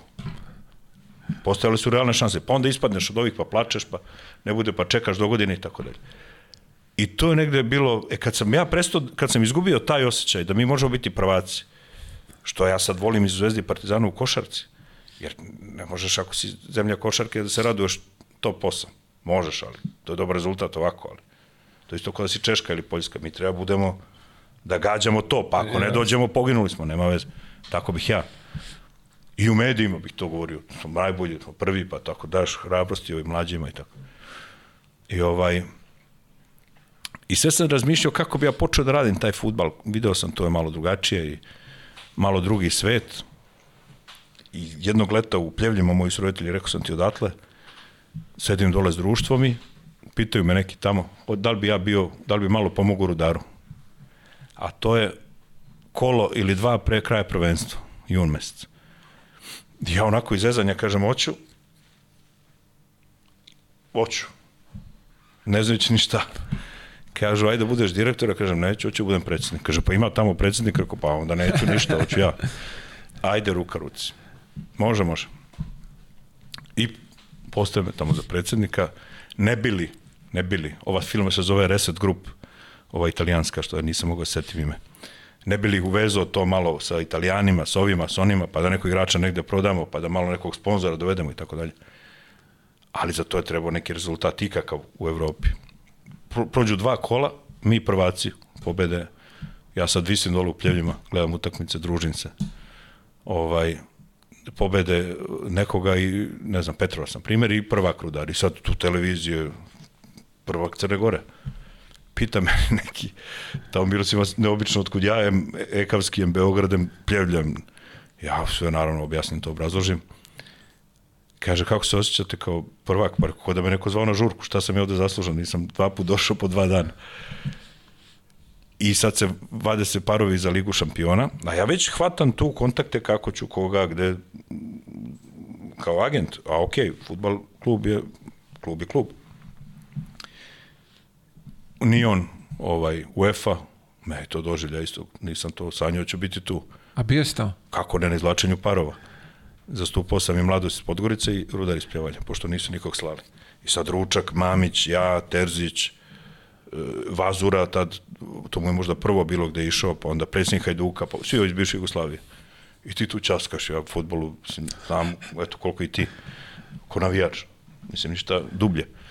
Ovaj, ali tu vizit karte od vizit karte od I sad oni svi mole se dole u pljevljima da budu prvo kolo da se izvuče Maribor, na primer, ili nešto tu blizu.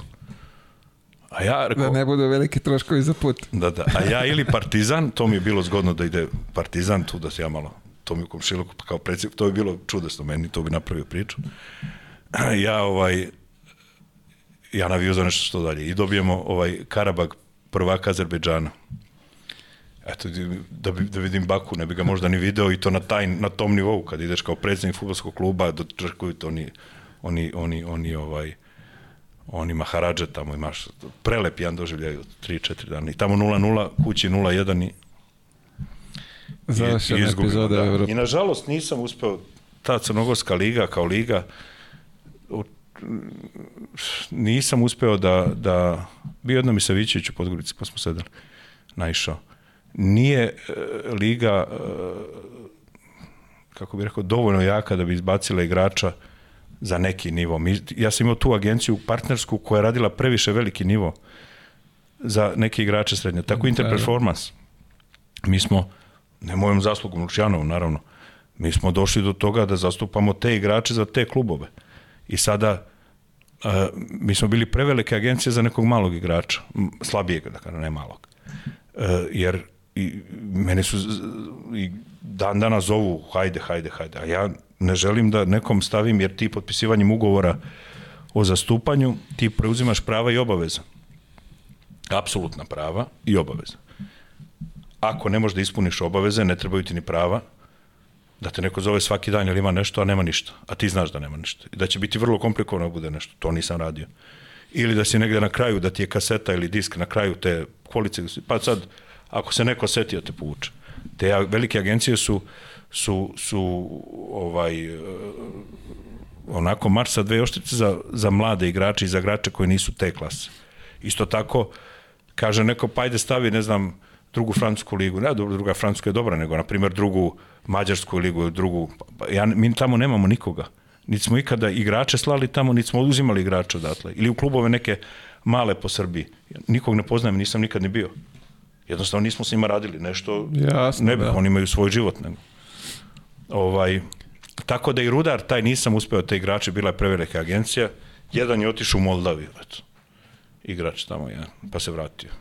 Čekaj, reci mi, zapljevlje uvek uh, to je sinonim kriminal, Ru- droga... Ne, zapljevlja je sinonim rudnik uglja, termoelektrana, koja Dobro, to je sad poslednja, po- poslednjih, ajde, Ma to što u pljevljima imaš umetnost, imaš međurepubličko sanđačke igre, a ima i ta priča, ali to je, kako ima veze to? pa ne, u futbolu su uglavnom te priče... Ja to nisam ništa čuo i video za, za sve vreme tamo. Zato- Pitao sam brata moga, jako, šta misliš ti idem u pljevlje? Kaže meni Miloš, on je advokat i pravnik, kaže, slušaj, biti predsjednik futbolskog kluba nije krivično delo. To je jedan Jasno, divan da. posao sam po sebi, mislim. Ja sam tamo super probao, imam super prijatelje, od, među raznim ljudima, kao i ovde, mi smo odrasli u Novom Beogradu, u bloku dole, to je isto zanimljivo. Ovaj, ali to su ljudi koji ti, koji ti boje život nekim bojama koje koje ne, ne, ne vidiš sad, to su neke posebne nijanse, da kažem. Nemam, to ima taj prizvuk, ali lično ja ništa. Video, čuo, sem po novinama, tako. Samo se družio, smejo, zezo, uživo, eto tako. Ko- kako je sad, ostao, ostao, možda prije, poredi- ostao prijatelj sa svima. Bra, uh, možda porediš sad košarku i futbol, ajde bio si tamo i ovamo, kako, mislim, gde je lakše, kako, komplikovanije, kako to iz tvog ugla Sad vidiš? zavisi, futbal, ponovo najbolji agent, ja sam radio ovde nešto sad za ovog Boćeja, kad je išao iz Zvezde u Kinu prvi put. I vidio sam kako to ide, koliko je to naporno. Tu nemaš onih uglavnom apsolutnih autorizacija, imaju ovi veliki agenti, ali tu sva uglavnom dobiješ male autorizacije za neke klubove, za neke zemlje, za neki period. I sad se svodi da li imaš kuma tamo ili nemaš kuma, hoće neko da ti uzme igrača pa da podelite proviziju. Meni je to, nije to posao to je snalaženje. Posao je što rade možda ovaj Rajola što je radio ili ovi Mendeš i ovi. Da, da, To to, su je. prave. A sad ako vidiš da igrači idu iz jednog kluba, stalno u jedan klub, pa stalno u drugi klub, da, to ne, nešto, nešto nije baš. Ja volim da igrač može, mi smo zato uh, i, i razbijali taj stereotip da, da mora igrač da ide iz Srbije preko Zvezde i Partizana u inostranstvo. Mi smo poslali Štimca iz Beovuka u Žalgiris, Bjelicu iz, iz, Beo, iz Superfunda ovamo, Đorđa Drenovca iz Deep Trade-a iz Zemuna u, u, u Austriju, pa posle Fortitudo, pa Valladolid, pa i tako dalje. Znači, ok, Zvezda Partizan, ali mora da, međutim, nekome, ovi koji ovaj, vole kolo da vode, oni vole da, da se pitaju i da, da kod njih bude ona rampa carina. Pa, ali to lepo se i ovaj naplate, svima je lepo. Neka, pa bože rastave. moj, pa bože moj, ide posao svi dok hoće ljudi, ima, Pa da. može. Dok ima ko hoće, ide. Tako je. Ta- Tako je, neozbiljno. Sve to, sve to jasno. Ja sam 2003. četvrte rekao, ne može ovako. Znaš, Mile, nudiš nekom igrača mladog, dobrog, jeftinog, a on uzme umjesto toga starog, lošeg i preskupog, a pritom nije glup. To ne može tako. Može donekle. Ali vidiš gde, do, gde dovede to, da imamo dva tima, Imegu i FNP, ajde, i FNP uzme, izvinjavam se. FNP je ozbiljan tim. Odakle ti u automobilizmu? To je treći sport. Ajde, to pored tenisa što ste Ne, pokušali. mi smo, mi smo, zbog onog entertainment, mi smo i radili Phantom iz opere, onaj musical veliki, pa smo radili Globetrotters, zastupali. Pa sad mislim da je taj onaj američki deo agencije radio i ove neke tipa, da ne slažem, Kristinu Aguileru ili tako nešto. A, a ja sam, želeći to malo da produbim, ovaj, našao jedan super, super par pevača, koje ću ja da, ovaj, da ćemo tek da, to su jedan, jedan ovaj, zove se Gaga Bajić, Dragoljub Bajić, moj drug, on je prvak Beogradske opere i bas, i jedan mezzo-sopran isto peva u, u, u, op- u operi u Beogradu, Ljubica Vraneš, E, oni su ne samo operski pevači, oni su show meni pravi, imaju i na televiziji neke emisije gde pevaju narodnu muziku operski pevači. A ne što pevaju samo to, nego pevaju sve žanrove muzike. E, to se, na primjer, meni dopada kad je nešto neobično, da onda uzmeš tako i da određenim kanalima to puštaš na neka ovaj tržišta koja su za to prilagođena, naravno, ko će, gde će to neko da prepozna, razume i plati. Tako da su Ljubica i Gaga ovaj, nisu košarkaši i nisu 1,90 i više, ali su sjajni.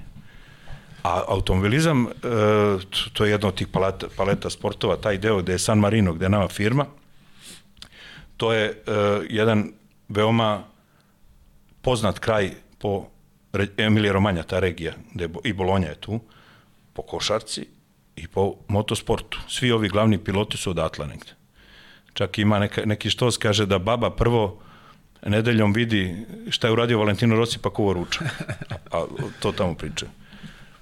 I sad dolaze nama u firmu, u kancelariju i predsjednik Automobilske federacije San Marina, ovaj Denis Zanotti dolazi, neki A Alex, onaj Zanardi, prvak sveta u motokrosu, tu pijemo kafu, pričam.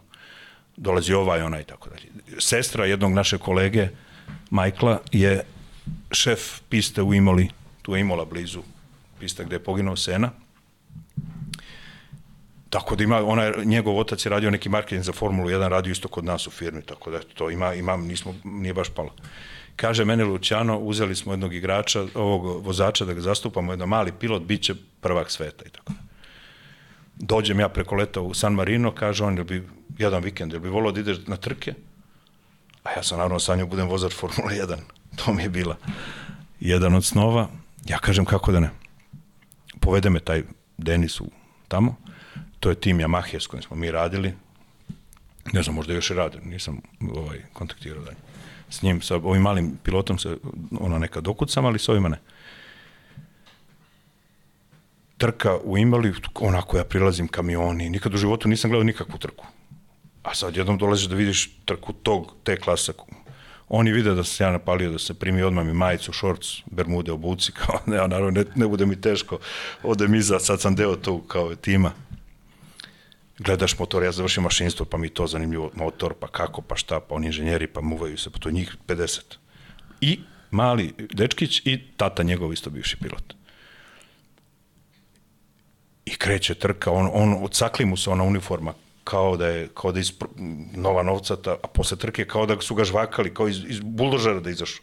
To je takav, od, od valjda onih kamenčića, od čega već, od vetra, od, od užasno izgleda posle trke vozač, nisam to nikad vidio. Zanimljivo. Da, da. Kao da je kopo i oro, a ne da je vozio motor. Uglavnom, posle te trke, ne znam koji je bio prvi, drugi, javno gledam, pored piste, podem na pistu, pa tu poginuo Sena, pa ti odeš tamo onaj gde je start, pa s onim slikaš se s onim ženskama, ovim onim, mislim, nisam mali, ali simpatično sve to. I ovaj, i, i, i pitaju me posle trke, sad sednemo svi, tamo inženjeri, i oni mene, šta ti misliš o ovome? Ja sad nešto kažem, ja uvijek naglasim da to prvi put vidim u životu. Pa ovo ovako, ovako, ovako, ovako. Kad oni slušaju. Jer u suštini isti put je od deteta vozača formule do profesionalnog, kao od malog sportiste, kao od malog vaterpolista, to je sve isto.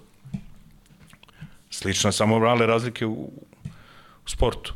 Kažu oni meni, ajde nađi ti, kaže, nekog talenta u Srbiji da imaju tu ne, neko i da smozoriš i neko da vozi motor. Pa ja kaže, ne može, kakav to na Srbiji. Kaže, oni, kako ne, pa vi ste hrabri, vi možete to voziti. On. Kažem, slušaj, tamo je trka male dece do četiri godine, ma, voze male motore na maloj pisti. Mala deca. Ne da li na struju, da li nešto. I roditelji tu pored im daju vodu, brišu i peškirom. Kao simulacija velike trke deca mala. To kod nas ko nema. A ovo, da ja stojim pored njegovog oca koji gleda sina, koji vozi 270 i ovako lomi motor, a on u transu ovako govori brže, brže, brže. Kod nas kad neko uzme s 15 godina motor, otac mu udari, udari šamar i uzme motor, to na, skroz je drugačiji mentalitet. I rekao, to je mrka kapa. Mrka kapa. Pa nije te, nije te povukla? Ne, ne, jeste mene povuklo, jesam ja tu išao i u Podgoricu tu sa ovim Vušurevićem, bivšim prvakom, to, Toyota zastupa, pa tražim ja sad tu nešto, samo da, da uhvatim još kako ću da ostanem u vezi s tim malim. Mnogo je zanimljivo, strašno. Pogotovo kad vidiš koja je to hrabrost. To su čudesa šta radi taj dečkić. Uživo kad vidiš to, smrznaš se. Jas, pa vidi, pazi, ajde, bio sam košarkaš sve, prošlo to, gledaš taj i NBA i tamo sve. I sad prošlo je određen broj godina, NBA nisam ni gledao i dolazi sad ovde Grčka, Janis i, i ono sedim dole kao Da li je ono moguće, da. Pitaš sebe da li je moguće ona silina da kao paperjem položi loptu u koš. Kad proleti onako sve i sad očekuješ lopta će se odbije na pola terena, ona kao kap. Nevjerojatno. Mhm. Ali to je taj moment uživa i bitno je stvarno i iz pozicije odakle gledaš. Uživo, uživo. I još ako malo nekog, nekog osjećaja imaš kao, kao ti. Kao da, da se razumeš u nešto, onda je kao još, još bolji osjećaj. Ne, ne, uvek kažeš da se razumeš. Uvek kažeš da se razumeš, ali napraviš neku ogradu da ne mogu da te, da te ovaj... Ne, ne, za, to što kažeš, ti si gledao, ajde, a, Gledao sam više puta motore. posle toga. To je prvi, prvi, prva impresija bila čudesna toga. Pa da, posle te to i drži, ta impresija te posle drži dalje. Pa evo do dan danas ja sve sanjam ne bili ponovo. Pa je li ima neki talent ovde kod nas da može da se... Nažalost, nažalost, na dan Lučanove smrti, Kapikionijeve, tamo su bili u hotelu jedan mali prvak u kartingu, on može biti jedna super zvezda, Veljko Vranić i njegov tata Aleksandar. Ima, trebali su da imaju sastanak u jedan sat sa Lučanom i sa još nekim ljudima i Lučano je umro to jutro. Oni su iz Beograda otišli tamo da da vide da uđemo u sponzorski pool ili da ih stavimo u neku od tih super karting ekipa. Imaju dve, tri, ja sad ne znam. I nažalost čovjek umre to jutro, iznenada. Ja. Pa nadamo se da će biti Pa bit će neka... nešto, eto, pamti, evo rekao sam Veljko Vranić, zapamtite, taj mali će, već je on osvajao nešto bio u onom kampu Fernanda Alonso u Španiji, sad koliko je to, ne razumem se uopšte u, u, u razvoj, u te u vrednosti i kampove toga, ali znam da postiže super rezultate, da je predan i da je super dečko, sedeli smo dva, tri puta u Beogradu. Reci mi za, za mlade talente naše košarkaše, ali imaš neki savjet kako bi trebalo izbor sredine, agenta? Nemam, ja sad imam samo jednog, imam samo jednog igrača, sad, od svih, čekajući, čekajući ovaj, čekajući ovog Disneya ili čekajući neku veliku agenciju. Jer ja volio bi da radim ponovo te velike stvari. Ne bih volio sad, kažem ti, da, da ovaj, ne zadovoljavaju. Imam jednog malog, nije mali, on je momak, 2004. godište sad bio i u reprezentaciji, on je iz Užica prešao u Italiju, jedan mali grad i klub Todi, pored Peruđe, sad je bio s reprezentacijom ovde. Pa su mu rekli da je najtalentovaniji, ali ga nisu povedali. to je isto dobro. Pa to je zanimljivo da kod kako nas se to dešava. Pa naravno ni Bjelica, ni Stojaković, ni, ni Krstić, Nenad, ni, niko nije bio u reprezentaciji. a Isto tako, ti si najbolji, ali igraće neki drugi. A taj mali će biti superstar.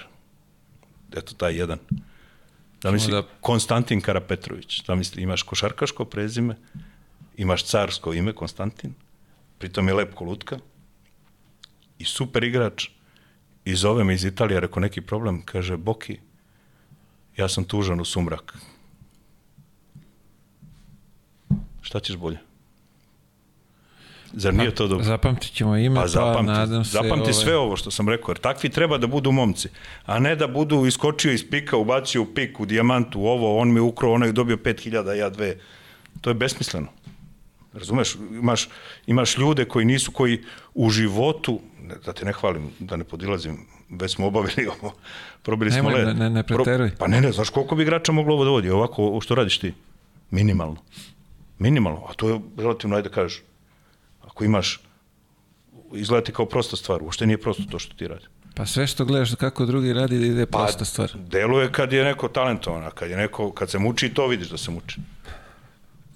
To se muči, ali ne možeš sad, to je, to je ovaj, kažeš tu igrači ti to ode ovamo onamo iz agenciju u agenciju.